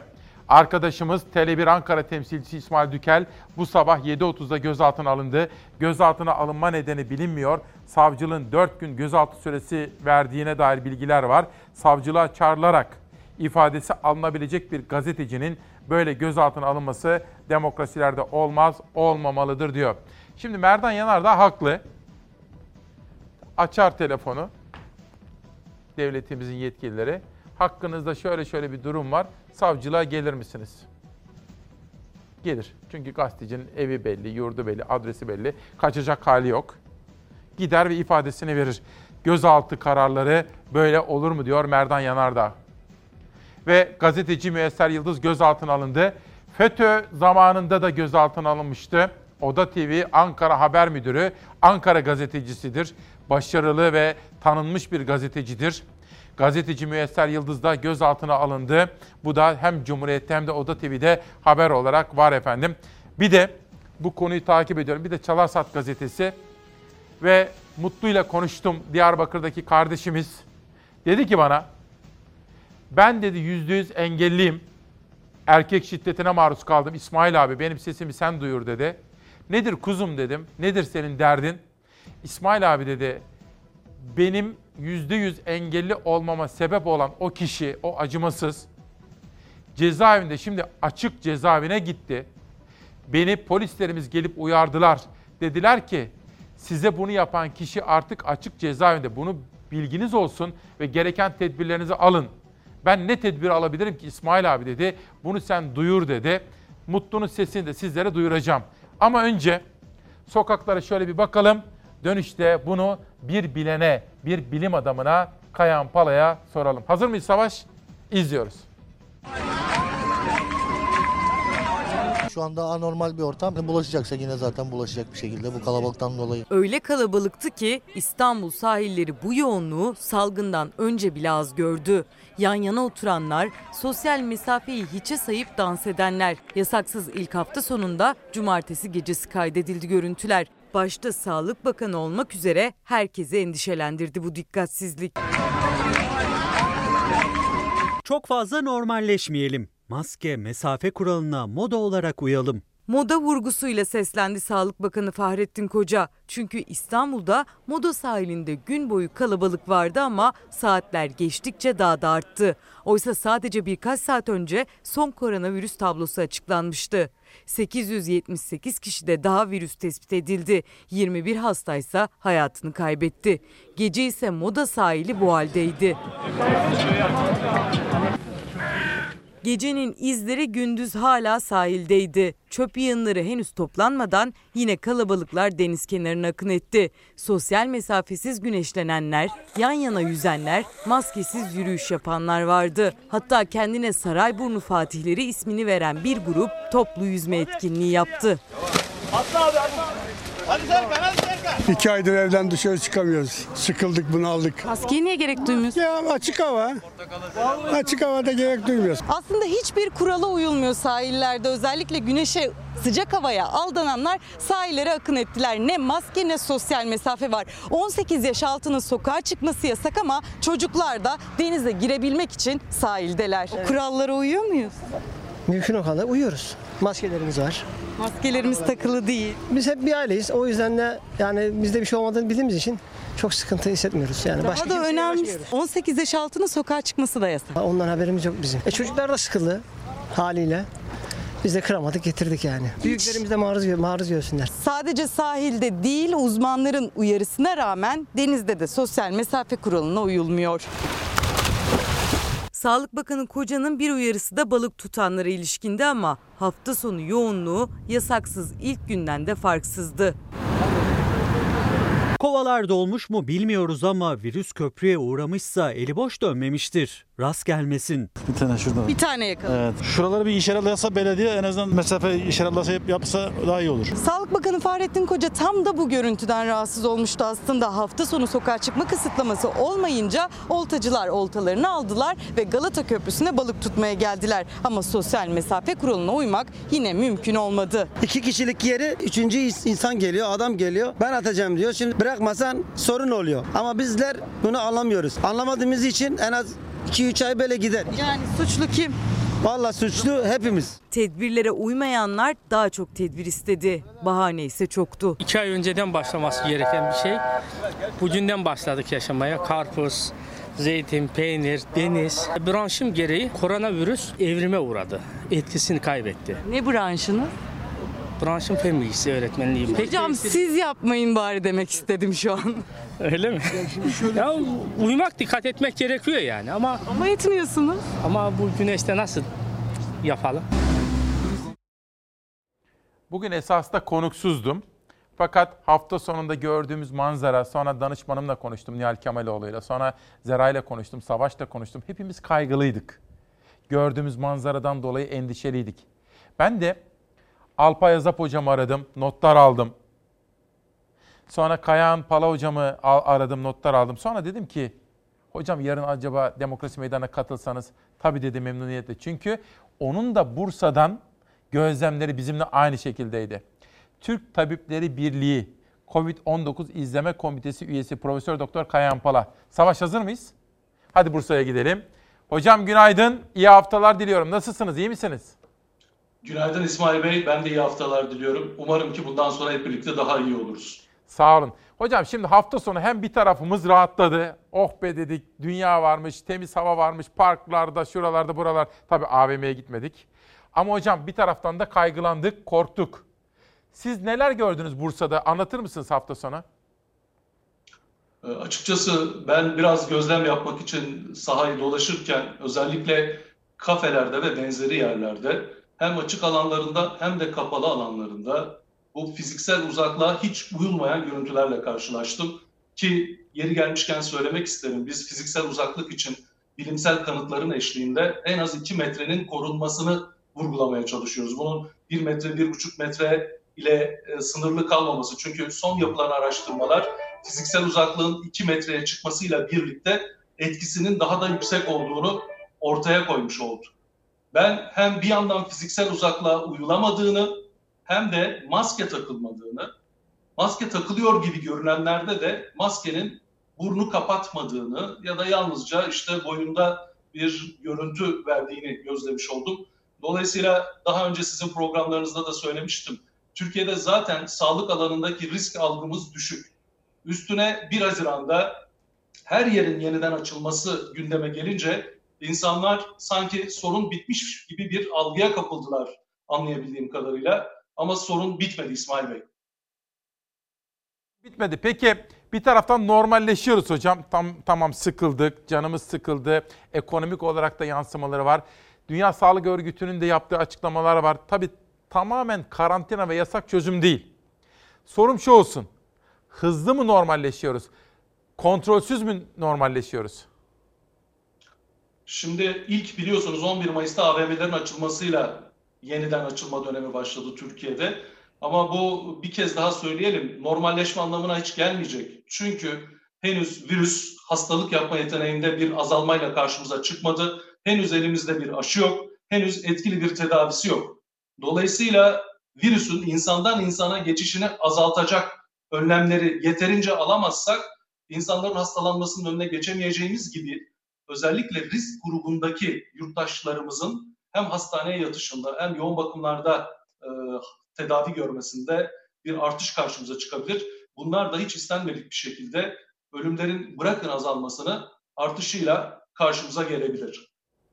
Hocam şimdi biz bu sabah bütün bu gelişmeleri izledik. Tabii yasakçı da olmak da istemiyoruz. 65 yaşı soracağım ama önce şu etiketimizi sormak istiyorum. Biz de dedik ki tamam dışarıya çıkacağız ama anneme ne diyorum? Kardeşlerime, yeğenlerime, ekip arkadaşlarıma, danışmanıma, bütün etrafımdaki arkadaşlarıma ne diyorum ben? Herkes kendi tedbirini alsın. Size soralım. Herkes nasıl tedbir alsın? Neleri tedbir olarak uygulasın? Şimdi ilk uygulamamız gereken tedbir ellerimizi yıkamak. Ellerimizi yıkamak, usulüne göre yıkamak yalnızca COVID-19 değil, bütün bulaşıcı hastalıklarda koruyucu. Bunu yıllardır söylüyoruz. Bundan asla vazgeçmemek lazım. İkincisi olabildiğince kalabalık ortamlardan uzak durmak. Bunu sağlamak çok önemli çünkü maske ile ilgili yapılan araştırmalar kalabalık ortamlara girildiğinde maskenin yeterince korumayabileceğini ortaya koymuş oldu. Türkiye'de sanki kalabalık ortamlara girildiğinde maske takılırsa korunabilir algısı da yaygın olduğu için söylüyorum İsmail Bey. Evet. Yani maske çok önemli buna değiniriz ama asıl önemli olan kalabalık ortamlardan uzak durmak. Eğer herhangi bir şekilde birilerinin olduğu ortamda yer alacaksak 2 metre fiziksel uzaklığı korumaya çalışmak ama bu sırada da mutlaka maske takmak. Maske deyince de 5 Haziran'da Dünya Sağlık Örgütü maske takmakla ilgili kuralları güncelledi. Birkaç ayrıntıyı vermek isterim. Lütfen. Özellikle dünyada virüsün hızlı bir şekilde yayılmasına devam etmesi yüzünden ki sizin de bildiğiniz gibi örneğin Rusya'da, Brezilya'da, Meksika gibi ülkelerde çok hızlı bir yayılım var. Komşumuz İran'da birinci dalga sonlanmadan güçlü bir ikinci dalga geldi. Dolayısıyla virüs etkinliğini sürdürüyor. Bu nedenle de Dünya Sağlık Örgütü maske takmaya ilişkin şöyle yeni kurallar getirdi. Artık dışarı çıkıldığında birden fazla insanın olduğu her yerde mutlaka maske takılmasını öneriyor. 60 yaşın üstündekiler, kronik hastalığı olanlar ve bu hastalıkla ilgili herhangi bir bulgusu olanlar için ise mutlaka tıbbi maske takılmasını öneriyor. Artık bez maskeden tıbbi maskeye bu risk grubundakilerin geçmesinin önemini vurguluyor ki hastalıkla ilgili bulaş zinciri biraz daha kırılabilsin. Güzel. Hocam bir de bir gözlemimi sizinle paylaşıp yorumunuzu almak istiyorum. Dışarıya şöyle bir baktığımız zaman yaşı 65'in üzerinde olan kıymetlilerimiz var ya anneler, babalar, büyük anneler, büyük babalar en bilinçli, en tedbirli, en dikkatli kesim onlar. Hep onlar evde. Fakat onlar da diyorlar ki bizim biraz yürüyüş yapmamız lazım. Biraz hava almamız lazım. Onlar evde izole kaldılar. Peki 65 yaş için siz bir bilim insanı olarak ne öneriyorsunuz? Şimdi sevgili İsmail az önce benim adımı programdan önce vermiş olduğun için evet. çok sayıda mesaj aldım yaşlı yurttaşlarımızdan. Evet. Yakınmalarını dile getiriyorlar ve hatta onlara biz kıymetlimiz gözüyle bakıyoruz ama bu sürecin kendilerini değersizleştirdiğini düşünüyorlar. Dolayısıyla bir kere şunun altını çizelim. 65 yaş üstündeki yurttaşlarımız bu hastalıkta gerçekten risk grubu. Onları korumak için bu önlem alındı. Ama bu önlem çok uzadı ve senin de az önce vurguladığın gibi biz bir yanıyla 65 yaş üstündeki yurttaşlarımızı COVID-19 hastalığından korumak isterken diğer yanıyla onların bedensel ve ruhsal olarak sağlıklarını sürdürmelerini ve iyi olmalarını sağlayacak önlemleri almakta biraz geciktik. Dolayısıyla bu yakınmayı ben haklı buluyorum doğrusu. Bu arada şunu da söylemem gerekir. Biliyorsunuz Sağlık Bakanı bir açıklama yaptı. Dedi ki Türkiye'deki ölümlerin %93'ü 65 yaşın üstünde. Evet. Şimdi biz bu rakamı Dünya Sağlık Örgütü Avrupa Bölge Ofisi'ndeki ölümlerle karşılaştırdığımızda çünkü Avrupa'daki ülkelerde ölümlerin %94'ü 60 yaşın üstünde. Çok büyük bir benzerlik görüyoruz sevgili İsmail. Evet. Dolayısıyla iki tane noktanın altını çizmemiz gerekir. Birincisi bizim ülkemizde nüfusun yaşlı kesiminin oranı daha düşükken, ikincisi de başka hiçbir ülkede uygulanmayan Evet. bu uzun süreli yaşlı yurttaşlarımızın tecriti söz konusuyken bu benzerlik nasıl açıklanabilir? Yani bu kadar. Dolayısıyla Heh, hocam bir dakika çok özür. Tam şöyle söyleyeyim ben. Siz ifade ediyorsunuz ama ben bir gazeteci olarak daha net ifade edeyim. Biz yaşı büyüklerimizi evlerde bekletirken, başka dünyada olmayan bir uygulamayı uygularken, hayata geçirirken yaşı büyüklerimiz arasındaki ölüm oranı neden yüksek hocam? Ne- neden? İşte benim burada şöyle bir çağrım olacak Ee, sevgili İsmail. Sağlık Bakanlığı verileri açıklamadığı için ne yaş grubu dağılımlarını biliyoruz, ne illere göre dağılımları biliyoruz, ne hastalığa eşlik eden kronik hastalıkların varlığına ilişkin dağılımları biliyoruz. Israrla Sağlık Bakanlığı bunları açıklamaktan kaçınıyor. Dolayısıyla ben veriye dayalı bir değerlendirme yapamıyorum. Ama Sağlık Bakanlığı'na şöyle bir çağrımız olsun. Sağlık Bakanlığı yaşa göre standartize edilmiş ölüm hızları karşılaştırmasını ortaya koysun. Eğer Türkiye'de bu uzun süreli tecrit gerçekten yaşlılarımızı korumak açısından önemli bir istatistiksel sonuç yaratmışsa bunları 65 yaşın üstündeki yurttaşlarımıza açıklayalım ve biraz olsun onların içini rahatlatalım. Çünkü bu rakamlar arasındaki benzerlik birçok insanda bu uygulamanın herhangi bir işe yaramadığı algısına da yol açmış bulunuyor. Ben öyle düşünmüyorum. Bunu daha ayrıntılı veriler ışığında değerlendirmemiz gerekir. Ondan sonra bunları tartışabiliriz. Ama bunları çok net ortaya koymadan yaşlılarımıza siz sürekli evde kalacaksınız yaklaşımı gerçekten onların kendisini değersiz algılamasına yol açıyor. Hocam o Burada- zaman o zaman siz aynı zamanda Türk Tabipleri Birliği COVID-19 İzleme Komitesi üyesi olarak deneyimli bir profesör, bir hocasınız. Bizi izleyenlere ne önerirsiniz? Yani 65 yaş ile ilgili hangi düzenlemeyi alalım?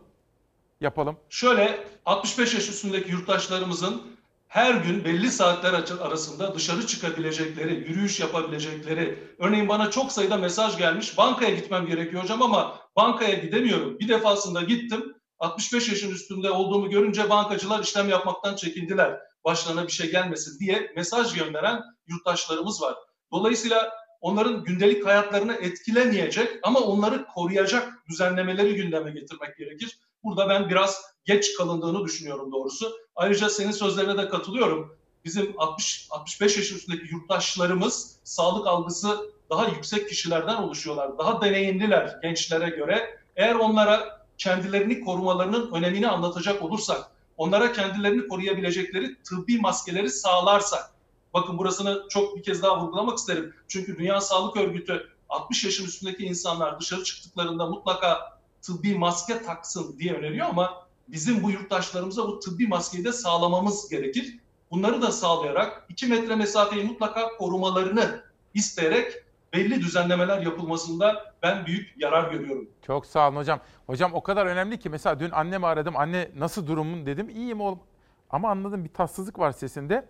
Oğlum dedi dizlerim ağrımaya başladı dedi. Hemen ben onun ek ilaçları vardı böyle durumlar için. Ankara'daki doktorumuzla konuştum. Sonra Simav'da bir tanıdığım vardı eczacı. O ilaçlarını da ayarladım. Çünkü hocam aylardır evde kalıyorlar ve onların günlük düzenli olarak dışarı çıkıp yürüyüş yapmaları lazım. Onların sağlıkları için bu çok önemli öyle değil mi?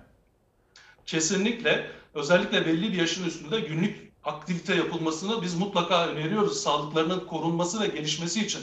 E şimdi bundan kendilerini yoksun bırakacak olursak ortada ciddi bir problem var demektir. Üstelik sevgili İsmail şimdi 4700 kadar hayatını kaybeden yurttaşımız oldu Türkiye'de. Sağlık Bakanı'nın söylediğine göre bunların %93 kadarı belli bir yaşın üstündeki yurttaşlarımızdan oluşuyor. E peki bu kadar ciddi tecrit ortamında bu kişiler bu hastalığı nasıl aldılar sorusuna da yanıt vermemiz gerekir. Demek ki bu tecrit sırasında aksayan bir takım sorunlar var. En azından bunları ayrıntılı olarak ortaya koymalıyız ki bütün yurttaşlarımız gibi 65 yaşın üstündeki yurttaşlarımızı da bu hastalığa karşı Peki. daha iyi bir şekilde koruyabilelim. Sevgili hocam müthiş açıklamalar çok teşekkür ediyorum. Bir de hafta sonunda gördüğümüz bir manzara. Biz tabii bu ülkede yaşayanlar pikniği, mangalı severiz. Bir piknik haberi var. İzleyelim. Sizin yorumunuzu çok merak ediyorum.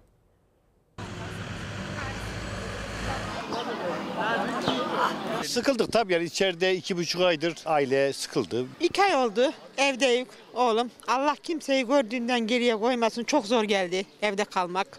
Ee, özgürlüğün tadı daha bir başka. Sezonu açtık. Yasaksız ilk pazar gününde ormanlar, parklar doldu taştı. Piknik sezonunu açanlar tedbirleri es geçti. Ne sosyal mesafe kuralına uyuldu ne de çocuklar evlerinde kaldı. Elimizden geldiği kadar da dikkat ediyoruz yani. Çünkü sonuçta insan sağlığı bu çok önemli. Ama şimdi maske yok. Çocuklar da burada. Biz aile aile içerisinde biz takıyor musunuz mesela evinizin içerisinde? Yok. Takmıyoruz. Tamamen hepimiz evin içerisinde. Şu anda dışarıdayız yani. İşte e, diğer insanlarla temas kurmamaya çalışıyoruz. Özlediydik parkları, şeyleri gelmeyi, ormanı. Bak hiç maskesiz insan yok şöyle bak. Herkesin maskesi elinde yani konuşmak için açtık. Mesafede. Hani buna rağmen iyi yani. İstanbul'da piknikçilerin en gözde adresi yine Belgrad Ormanı'ydı. İçeri girmek için dakikalarca beklediler. Belgrad Ormanı belki de en kalabalık günlerinden birini yaşıyor. Piknik yapmak isteyenler, hava almak isteyenler orman girişlerinde uzun kuyruklar oluşturdu. Hatta o kuyruk aşağıya doğru uzadıkça uzuyor. Erken geldim çok sıra bekledim girişte. Hamaklar kuruldu, mangallar, semaverler yakıldı. Hiç virüs yokmuş gibi kurallar rafa kalktı. Yemekler iç içe yenildi. Hasta sayısı da azaldığı için halk da rahatladı diye düşünüyorum ben. İnşallah yanılmayız. Belgrad Ormanı'nda aslında masalar sosyal mesafe kuralına uygun düzenlenmişti ama piknikçilerin bu kurala uyduğunu söylemek pek mümkün değil. İşte aileler bir masanın etrafında piknik yapıyorlar. Kurallara pek uyulmuyor Yok uyulmuyor. Uyulmuyor. Şimdi maskemiz hep cebimizde. Uymamız lazım ama ormanda da maske bekletmiyor oğlum ya. Stres atmak için arkadaşlarla toplandık. Hafta içi zaten bütün gün çalışıyoruz. Normalde bir sosyal mesafe kuralı her yerde geçerli. Siz bugün esnettiniz mi bu kuralı? Aynen bugün esnettik. Efendim? Gördüğünüz gibi herkes etmiş durumda. Tek uyulmayan kural sosyal mesafe kuralı değil. 18 yaş altının sokağa çıkma yasağı var ama aileler piknik için bu kuralı da askıya almış görünüyor. İşte çoluk çocuk piknikte birçok aile. 3 aydan beri gerçekten çocuklar çok sıkıldı. Hazırlandık kaç aydır gelemedik. Sadece Belgrad Ormanı'nda değil, İstanbul'da birçok yeşil alan doluydu. Arnavutköy'de mesire alanları ve göl kenarları da dolup taştı. Piknik yapılan yerlerden biri de Maçka Parkı'ydı. Kilometrelerce yol kat edip gelenler oldu. Bağcılar'da oturuyoruz. Öyle geze geze Maçka Demokrasi Parkı'na geldik. Evde dura dura da artık biraz böyle bunalmaya, psikolojik olarak da bozulmaya başlamıştı insanlar yavaş yavaş. Piknikle de yetinmedi bazı İstanbullular. Parkta nargile içip güneşlenenler de vardı. Hafta sonu manzarası böyle. Türk Tabipleri Birliği Covid-19 İzleme Komitesi üyesi Profesör Doktor Kayan Pala hocamıza soralım. Hocam ne yapacağız böyle? Şimdi sevgili İsmail iki tane noktanın altını çizelim. Birincisi ülkemizde sağlık okur yazarlığı düşük. Maalesef. İkincisi sağlık algısı düşük. Bu hastalığa ilişkin de bu algıyı yükseltemedik. Hatırlarsan daha önce de konuşmuştuk. Bu nedenle bilim kurulunda yalnızca tıbbi branşlardan insanların olması yerine davranış bilimleri, sosyal bilimciler gibi insanlarla birlikte alınan önlemlerin olası sonuçları ve bunlara ilişkin bazı senaryoların konuşulması gerekirdi. Yani ben bunu uygulayan insanları suçlayarak bu sürecin yönetilebileceği kanısında olanlardan değilim. Bunun yerine herhangi bir uygulamayı koyduğunuzda, özellikle herhangi bir yasağı koyup uzun süre o yasakta ısrar ettiğinizde bunun nasıl sonuçları olabileceğini önceden öngörmek gerekirdi. Bakın siz de bilirsiniz baskıcı anne babaların yasaklarına karşı ergenler çok ciddi isyankar tutumlar alabilirler. Toplumda bu kadar uzun zaman yasaklardan sonra birdenbire her şey yeniden açılıp bir gevşeme olunca bu yasaklara karşı tutumunu böyle gündeme getiriyor olabilir. Çünkü gerçekten de hastalığın eğer kendi çevresinde görülmemişse ne kadar etkili olabileceğinin henüz farkında değil. Dolayısıyla kısa sürede toplumun okur yazarlığını, sağlık okur yazarlığını artırmak mümkün değil ama sağlıkla ilgili algısını artırmak için çaba göstermek uygun olacaktır. Bu bağlamda da bilim kurulu içerisinde bu alana özgü davranışsal durumları, toplum ruh sağlığı ilişkisini ve insanların davranış paternlerini bilen insanların önerileri doğrultusunda düzenleme yapmak gerekecektir. Çünkü örneğin Sağlık Bakanı bir yandan bu yeniden açılmayı duyururken öte yandan da sizin de az önce gösterdiğiniz tweetlerinde riskin bitmediğine ve büyüyebileceğine vurgu yapıyor. Aslında burada şu ana kadar hep bireysel sorumlulukları konuştuk ama bence bireysel sorumluluklar kadar ve hatta daha önemli bir takım toplumsal ve kurumsal sorumluluklar var. Yani bütün bu kurallara uymak isteyen bir yurttaşımız işe eğer bir toplu ulaşım aracıyla gidip gelmek zorunda kalıyorsa ve biz o toplu ulaşım aracında o kişinin fiziksel mesafesini koruyacak önlemler alamıyorsak buraya kadar konuştuklarımızın çok fazla bir anlamı olmayacaktır. Şunu da söyleyelim. Bir hasta kişiyle karşılaştığımızda 15-20 dakikalık bir süre içerisinde bu hastalığı bir tek kez karşılamada, karşılaşmada bile almamız mümkün. Karşımızdaki kimin de hasta olduğunu bilmediğimiz için o toplu ulaşım araçları, piknik yerleri, sizin görüntülerinizde yer alan bütün bir araya gelmeler hastalığın bulaşı açısından risk yaratabilir. Bunu Peki. aklımızdan çıkarmayalım. Hocam şimdi bir önemli soru daha var aslında. Tam sizin uzmanlığınızla ilgili. Havalar ısındı. Etrafa bakıyoruz. Ateş meselesi hani semptom diyorsunuz ya siz bu belirtiler. Ateş artık kriter olmaktan çıkmalı diyen bilim adamlarımız var. Başka bilim adamlarımız var. Bu virüs mutasyona uğradı yani değişikliğe uğradı diyenler var. Kas ağrıları azaldı çünkü artık yaz sıcakları. Hocam birazcık da bunu değerlendirir misiniz rica etsem? Şimdi bu konu dünyanın değişik ülkelerinde de konuşulduğu için literatüre dayalı olarak geçtiğimiz hafta Dünya Sağlık Örgütü bir açıklama yapmak zorunda kaldı. Öncelikle şunu söyleyelim. Virüste bazı değişimler olduğu belli. Çok sayıda virüs incelemesinden karşımıza çıkıyor bu değişimler. Ama bu değişimler virüsün hastalık yapma yeteneğinde bir azalma olarak karşımıza çıkmadı henüz. Keşke çıksa biz de rahat bir nefes alsak. Yani virüsteki değişik kıtalardaki değişimler hastalık yapma becerisinde azalmaya yol açmadığı için halen çok hızla bulaşabiliyor. Ateş bulgusuna gelince dünyada ateşin bu hastalık bulgusu listesinden çıkartılmasına ilişkin herhangi bir tartışma yürütülmüyor. Aksine ateş halen önemli bulgulardan bir tanesi. Ama ateş olan herkes bu hastalığa yakalandı diye bir yaklaşım söz konusu değil. Ateşi olanların hekimler tarafından değerlendirilerek ve gerekirse örnek alınarak bu hastalığa yakalanıp yakalanmadığını incelemek söz konusu. Yoksa olası vaka tanımı içerisindeki bulgulardan birisi olarak ateş halen değerini koruyor. Kayahan Hocam, az evvel bir önceki soruyu yanıtlarken biraz böyle bireysel sorumluluklarımızı uygularken kurumsal, devletin de alması gereken kurallardan bahsetmiştiniz ve toplu ulaşımı örnek olarak sunmuştunuz. Savaş hazır mıyız? Bu konuda bir haberimiz var. Şehirler arası seferler ve acaba bu konuda neler yapmalı? Haberi izleyelim, sonra dönüşte size soralım.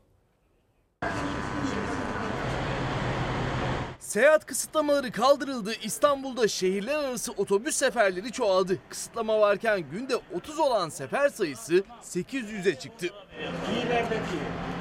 İstanbul'da haftalardır sürüyordu giriş çıkış kısıtlaması. Sadece seyahat izin belgesi olanlar yolculuk yapabiliyordu. İzinli olanların sayısı az olunca günde ortalama 30 sefer yapılabildi.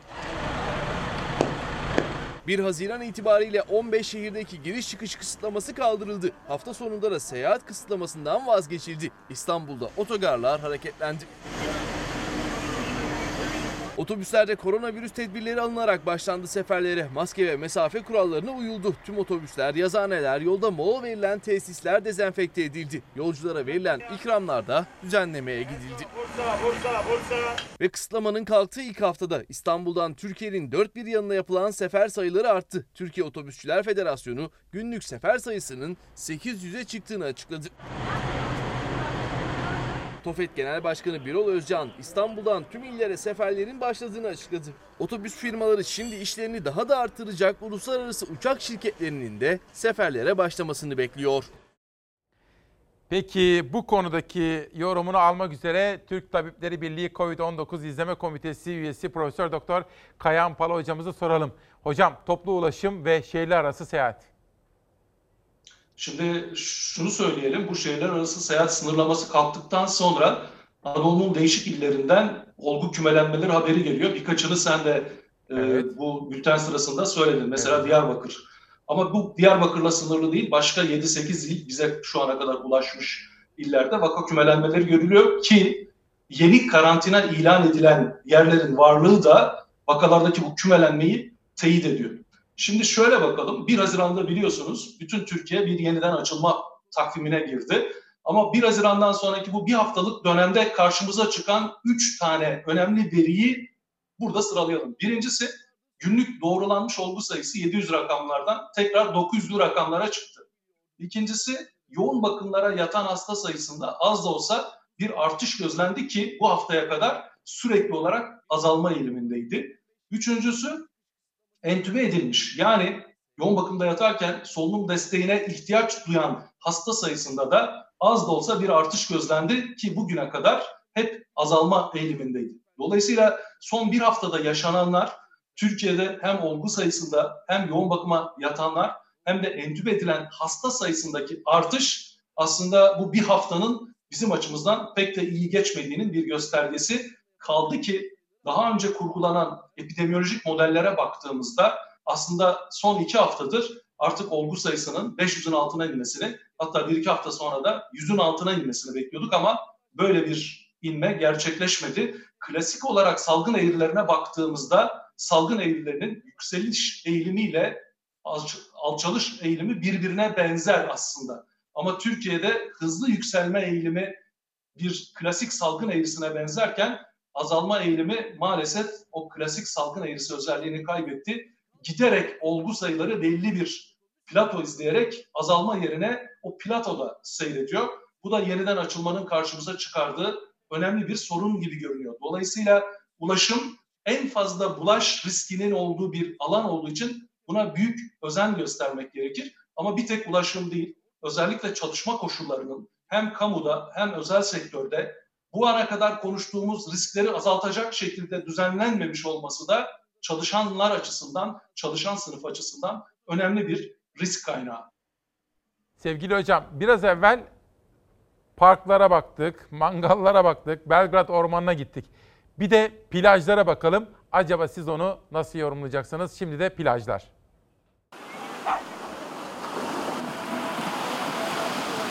Başka yerler için biraz erken dedim. Hazır İstanbul'dayken hava güzelken de kullanalım dedik bu fırsatı. Zor oluyor tabii yani bir rutine alıştık hayatımız boyunca. Şimdi bir anda kısıtlanınca bayağı bir zorluk çekiyoruz ama maskeyle mecburuz yani yapacak bir şeyimiz yok. Yeni kurallarla İstanbul'un plajları tatile gidemeyenlerle dolmaya başladı. Tedbirler zorlasa da yasaksız ilk pazar gününde denizin ve güneşin tadını çıkardı İstanbullular. Maskeyle güneşlenmek nasıl? berbat. Şu şekilde bir iz oluşacak suratımızda. Koronavirüs salgını nedeniyle kapatılan plajlar normalleşme adımlarıyla birlikte yeniden hizmete açıldı. Ancak tedbir almak şartıyla İstanbul'un Karadeniz sahilindeki plajlar da belirlenen önlem listesine uyarak müşteri kabul etmeye başladı. Gelen müşterinin otoparka girmeden ateş ölçümünü yaptık. Ateş ölçümünde sakıncalı bir durum varsa bildirmesini biz yapıyoruz. Söylüyoruz böyle birisi var. Kapıda görevli arkadaşlarımız var. Kapıdaki görevli arkadaşlar maskeli, siperlikli. Kapıda dezenfektan makinelerimiz var. Müşterilerimiz de maskeyle giriyorlar. Maskesi olmayana maske temin ediyoruz. Şenzok aralarının 1,5 metre olması, her iki şenzok arasının 60 santim olması. Bunları da dikkate alarak insanların birbiriyle olan temasını kestik. En önemli kural şezlonglarla ilgili. Kumaş minder kullanılmaması ve sık sık temizlenmesi gerekiyor. Koronavirüs önlemleri kapsamında artık plajlarda sosyal mesafeli yeni düzen geçerli. İşte görevliler de şezlonglar arasını bu şekilde ölçerek müşterileri öyle kabul ediyor. İşte iki şezlong arası mesafe bir buçuk metre olmak zorunda. Mesafeler güzel e, ayarlanmış. E, biz de keyfimize bakıyoruz. Zaten koronavirüs olmadan önce de insanların mesafe olarak birbirleriyle dip dibe olmamaları her zaman lazım. Sıcak havayı değerlendirmek isteyen İstanbullular özellikle Kilyos plajlarına akın etti. Normalde burası normal bir sezonda tıklım tıklım olurken şimdi sadece bir sıra şezlong doldu. Yine de işletmeciler geç başlayan sezondan umutlu. Zararda mı izlerseniz tabii ki biz şu an eksiyle başladık. Keşke 20 gün önce başlasaydık. Şu an önümüzü almıştık. Belki geçen sezondan bir tık daha fazla da iş yapacağız gibi bir düşüncem var. İnsanlar çünkü evlerinde 3 aydır sıkıldılar. Menekşe plajı da Kısırkaya plajı da doldu taştı. Sosyal mesafe kuralına pek dikkat edilmeyen halk plajlarında kimi denize girdi, kimi gitar çalıp şarkı söyledi. Hocam bu sene ne yapacağız tatil meselesini? Şimdi deniz suyunun herhangi bir risk yaratmadığını biliyoruz. Dolayısıyla eğer fiziksel uzaklığa uyup kalabalık olmadan bir tatil yapabilecek durumdaysak hiçbir sakınca yok. Üstelik de insanların buna ihtiyaçları da var gerçekten. Çünkü sağlık yalnızca bedensel sağlıkla sınırlı değil. Aynı zamanda insanların kendini iyi hissedebilmesiyle de ilgili bir süreç. Ama az önce sizin görüntülerinizden görebildiğim kadarıyla fiziksel uzaklığa uymakla ilgili bazı sıkıntılar var. Dolayısıyla denize gitmek isteyen arkadaşlarımızın, yurttaşlarımızın fiziksel uzaklığa mutlaka uymaya özen göstermelerini, aynı zamanda da ortak kullanım alanlarındaki temas yüzeyleri açısından da çok dikkatli olmalarını anımsatmak isterim. Çünkü bu hastalık temel olarak bir damlacık enfeksiyonu ve yüzeylerle temas, kirli yüzeylerle temasla e, bulaşıyor. Dolayısıyla her iki riski de ortadan kaldıracak düzeyde bir yaklaşım sergilenebilirse bununla ilgili bir problem olmayacaktır. Peki. Şu örneği de verelim sevgili İsmail. Örneğin Almanya'da da bir yeniden açılma var. Ama son bir haftalık olgulara baktığımızda bize oranla çok daha az sayıda olgu var. Çünkü çok dikkat ediliyor bu süreç görebildiğimiz kadarıyla. Hem Almanya'daki meslektaşlarımızın gözlemleri hem de yapılan ölçümler eğer bu fiziksel uzaklığa dikkat edilirse, el yıkanırsa, gerekli yerlerde maske takılırsa ve en ufak bir semptom olduğunda sağlık kuruluşlarına başvurulursa, bu arada da Sağlık Bakanlığı ve ilgili kurumlar çok sayıda test yapmayı sürdürerek kimlerin hasta olduğunu saptayıp onları izole edebilirlerse bu süreci daha kolay atlatabiliriz. Peki. Son sözünüzü soracağım ama birkaç görselim var. Onları gösterip size son sözünüzü bırakacağım hocam. Evet hazır mıyız arkadaşlar? Gelsin görsellerimiz. Dün ben Alpay Azap hocamla da konuştum. Tabii her gün en az 3-4 hocamızla konuşuyorum. Hocamızın sözünden şöyle bir manşet çıkardım. Sokaktan gelen normalleşme görüntüleri bizi ürküttü diyor Profesör Alpay Azap. Vatandaşa sorumluluk düşüyor gevşetme politikalarından ziyade vatandaşın tedbirli olması önemli. Eğer halkımız tedbiri elden bırakırsa sıkılaştırma politikalarına geri dönmek zorunda kalırız diyor. Dikkat ederseniz aynı Kayan Pala gibi konuşuyor Alpay Azap hocam. Çünkü onlar bilim insanı. Gelsin. Bir sonraki manşetimizde eski günlerdeki gibi Belgrad ormanı tıklım tıklım uzun araç kuyrukları oluştu. Hafta sonunun ana manşetlerinden biri NTV'ye böyle yansıdı. 65 yaş kurallara uydu. Problem onların karşılaşacakları insanlar diyor Profesör Doktor Mehmet Ceyhan hocamız. Bu da doğru. En bilinçli kesim 65 yaş üstü. Türkiye'nin dört bir yanındaki asker uğurlamalarında koronavirüs önlemleri hiçe sayıldı. Bu konuda bugün bilim kurulundan ve milli savunmadan yeni bir düzenleme bekliyoruz efendim. Burada çünkü bir güvenlik açığı var. İstanbul Tıp Fakültesi Dekanı Profesör Tükek, sokağa çıkma yasaklarının çözüm olmadığı çok net, yasak yerine maske zorunlu olsun diyor efendim. Bir görsel daha gelsin. Sağlık Bakanı Koca, geçmiş olsun ziyareti sebebiyle bir ilimizde 190 kişiye virüs bulaştığı tespit edildi. Bir diğer ilimizde asker uğurlamasında 58 kişi virüsle enfekte oldu diyor efendim. Bunlar hafta sonu manşetleriydi. Şimdi Kayahan Hoca'ya son sözünü bırakalım. Sevgili hocam katılımınız için teşekkür ediyorum. Son sözünüz hangi mesaj olurdu halkımıza? Ben de çok teşekkür ederim. Bir kez daha bireysel sorumluluklarımızı hatırlayalım. Hem kendimizi hem de sevdiklerimizi hastalıktan korumak için önlemleri gevşetmeyelim. Öte yandan da Sağlık Bakanlığı başta olmak üzere hem merkezi yönetimin hem de yerel yönetimin bunu yalnızca bireysel sorumluluğa indirgemeyecek şekilde önlem alması, bu süreci izlemesi ve öngörülerini erken yaparak gerekli müdahaleleri yapmasının zorunlu olduğunu da bir kez daha vurgulayalım. Çok teşekkür ediyorum bana bu olanağı verdiğiniz için. İyi yayınlar diliyorum. Hocam iyi ki varsınız. Ben de bütün ekip arkadaşlarım ve kanalım Fox adına bugün de sizin şahsınızda bütün bilim insanlarımızı, doktorlarımızı, sağlık çalışanlarımızı en kalbi duygularla selamlıyorum. Sağ olun, var olun. Şimdi sizlere söylemiştim. Hürriyet İşgüzar bana dedi ki İsmail abi Mutlu sana ulaşmak istiyor. Aradım Diyarbakırlı kardeşimizi. Canan Güllü hocamız da biraz önce mesaj attı. Sevgili İsmail diye bakın. Şimdi ben de şöyle bir manşet attım bu sabah. Gazetemizi Tuğba çizdi bu sabah. Teşekkür ediyorum. Tuğba Özdavul'a katkıları için de teşekkür ediyorum. Şimdi mutlu musunuz diye bir soru soruyoruz. Bakın Mutlu bana dedi ki ben özetlemeyeyim. Mutlu'nun kendi sesini işitelim. Merhaba İsmail abicim. Ben Mutlu Kaya. Bundan 5 yıl önce bir cani tarafından kafamdan vuruldum. Aylarca yoğun bakımda kaldım. Gözlerimi açtım zaman bir de baktım ki elim ayağım tutmuyor. Konuşamıyorum dahi. Bir anne bile diyemiyorum. Ve buna karşılık o cani sadece 9 iledi. Şu an 5 yıl geçtiği için o şu an 4 yıl kaldığı için o cani şu an dışarıda. Beni eve mahkum eden, beni yıllarca eve mahkum eden, yüzde yüzü engel yapan o cani, beni öldürmeye teşebbüs eden adam şu an dışarıda geziyor. Yürüyor, koşuyor, tatilini yapıyor. Peki ben ne olacağım? Lütfen sesimi duyun. Ben sadece adalet istiyorum. Başka hiçbir isteğim yok. Lütfen abicim, İsmail abim, ne olursun sesimi duyun. Ve burada benim boğazım bana yetmez, yetmezmiş gibi bundan iki önce ben canım Dilek ablamı toprağın altına gömdüm. Yüreğim çok yanıyor. Nefes alamıyorum. Ya bir ailede iki kadın nasıl bu hale gelir? Lütfen Dilek ablam benim benim için ve tüm kadınlar için lütfen adaleti sağlayın. Yoksa ben yaşayamıyorum. Nefes alamıyorum. Ablam da bir can tarafından öldürüldü. O benim gibi güçlü, güçlü olamadı. O beni sırtında, sırtında hastaneye yetiştirdi. O beni kurtardı ama ben onu sırtıma alıp hastaneye yetiştiremedim. Ben onu kurtaramadım. O öldü. Bir daha geri gelmeyecek.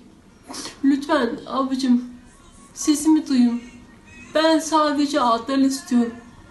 Bu nasıl bir vicdansız, vicdansızca alınan bir karar. İbaz paketini onaylayanlara, onaylayanlara sesleniyor. Ya siz hiç mi vicdan elinizi vicdanınıza koymadınız ya? Ya o adam beni eve mahkum etti. Ben belki de ömür boyu böyle- kalacağım. Belki de ömür boyu birilerine muhtaç bir şekilde yaşayacağım. Ama o cani geziyor. Nerede adalet? Ben adalet istiyorum. Lütfen sesimi duyun. Adalet için bana yardımcı olun. Lütfen. Şimdi bakın efendim bu ben buradan bir ses, bir çağrı vermek istiyorum. Cumhurbaşkanımıza değil, onun eşi Emine Hanım'a, Kılıçdaroğlu'na değil, onun eşi Selvi Hanım'a, parlamentodaki bütün kadınlara ve parlamentodaki milletvekillerinin eşlerine, Adalet Komisyonu'na seslenmek istiyorum. Adalet Bakanı Sayın Abdülhamit Gül'e seslenmek istiyorum. Bir çözüm var efendim. Bu kızımız erkek vahşetinden dolayı böyle oldu. Polisler gelmişler. Demişler ki size bunu yapan kişi şimdi Diyarbakır açık cezaevine çıkacak. Tedbirinizi alın artık demişler. Çünkü açık cezaevine çıkınca dışarıda çıkabiliyor. Ama bir çözüm var bakın. Canan Güllü diyor ki ben bunu yayınlayınca sevgili İsmail Günaydın Mutlu için bir emsal karar almamız lazım. Emsal. İzmir'de kadına şiddet suçundan çok İzmir'e kadına şiddet suçundan açık cezaevi hakkı alan ama sonra hakim tarafından iptal edilen bir karar var. Dolayısıyla savcılığa dilekçe vererek bu emsal kararla bu açık cezaevi hakkının iptal edilmesi lazım. Takipçi olacağım dedi. Lütfen. Canan Güllü takip etsin, Adalet Bakanımız takip etsin, ben de takip edeceğim. Olamaz. Ablasını da bir erkek vahşetine kurban veren bu kızımızın bu duruma düşmesine sebep olan cani açık cezaevine çıkamaz efendim. Çıkamaz. Nasıl olabilir bu? Kanunlarımızda bir açık mı var acaba? Canan hocamız takip etsin. Biz de bu haberi sizlere detaylı olarak anlatmak istiyorum. Bu benim takip listemde birinci sıraya yükselen bir haber oldu. Onu size söyleyeyim. Kılıçdaroğlu'nu linç girişiminden kurtaran koruma müdürü emekli edildi. Günün en dikkate değer açıklamalarından birisi ve burada da İçişleri Bakanlığı'nın net bir açıklama yapması gerekiyor. Neden acaba? Böyle bir karara neden gerek duyuldu? Dünya Sağlık Örgütü maske önerisini değiştirdi. Bunu verdik haber olarak sizlere zaten. Türk SİHA filosu ciddi bir hava kuvvetlerine dönüştü. Alman The Welt gazetesinden Türk SİHA'lara övgü. Hani Avrupa ülkeleri bize ambargo uyguluyorlar ve Selçuk Bayraktar ve Türk mühendisleri bu konuda bu ambargoyu etkisiz hale getiren bir girişimin içinde oldular. Onlara da teşekkür ediyoruz. Gerçek gündemden hayata dair bir haber. Mehmet Ali Erbil keşke diyor hiç param olmasaydı, hiç servetim olmasaydı ama sağlığım yerinde olsaydı diyor. Yani para, pul, şan, şöhret önemli değil efendim. Hiçbir önemi yok. Sağlık. Sizin ve ailenizin, sevdiklerinizin sağlığı. Başka hiçbir şey yok.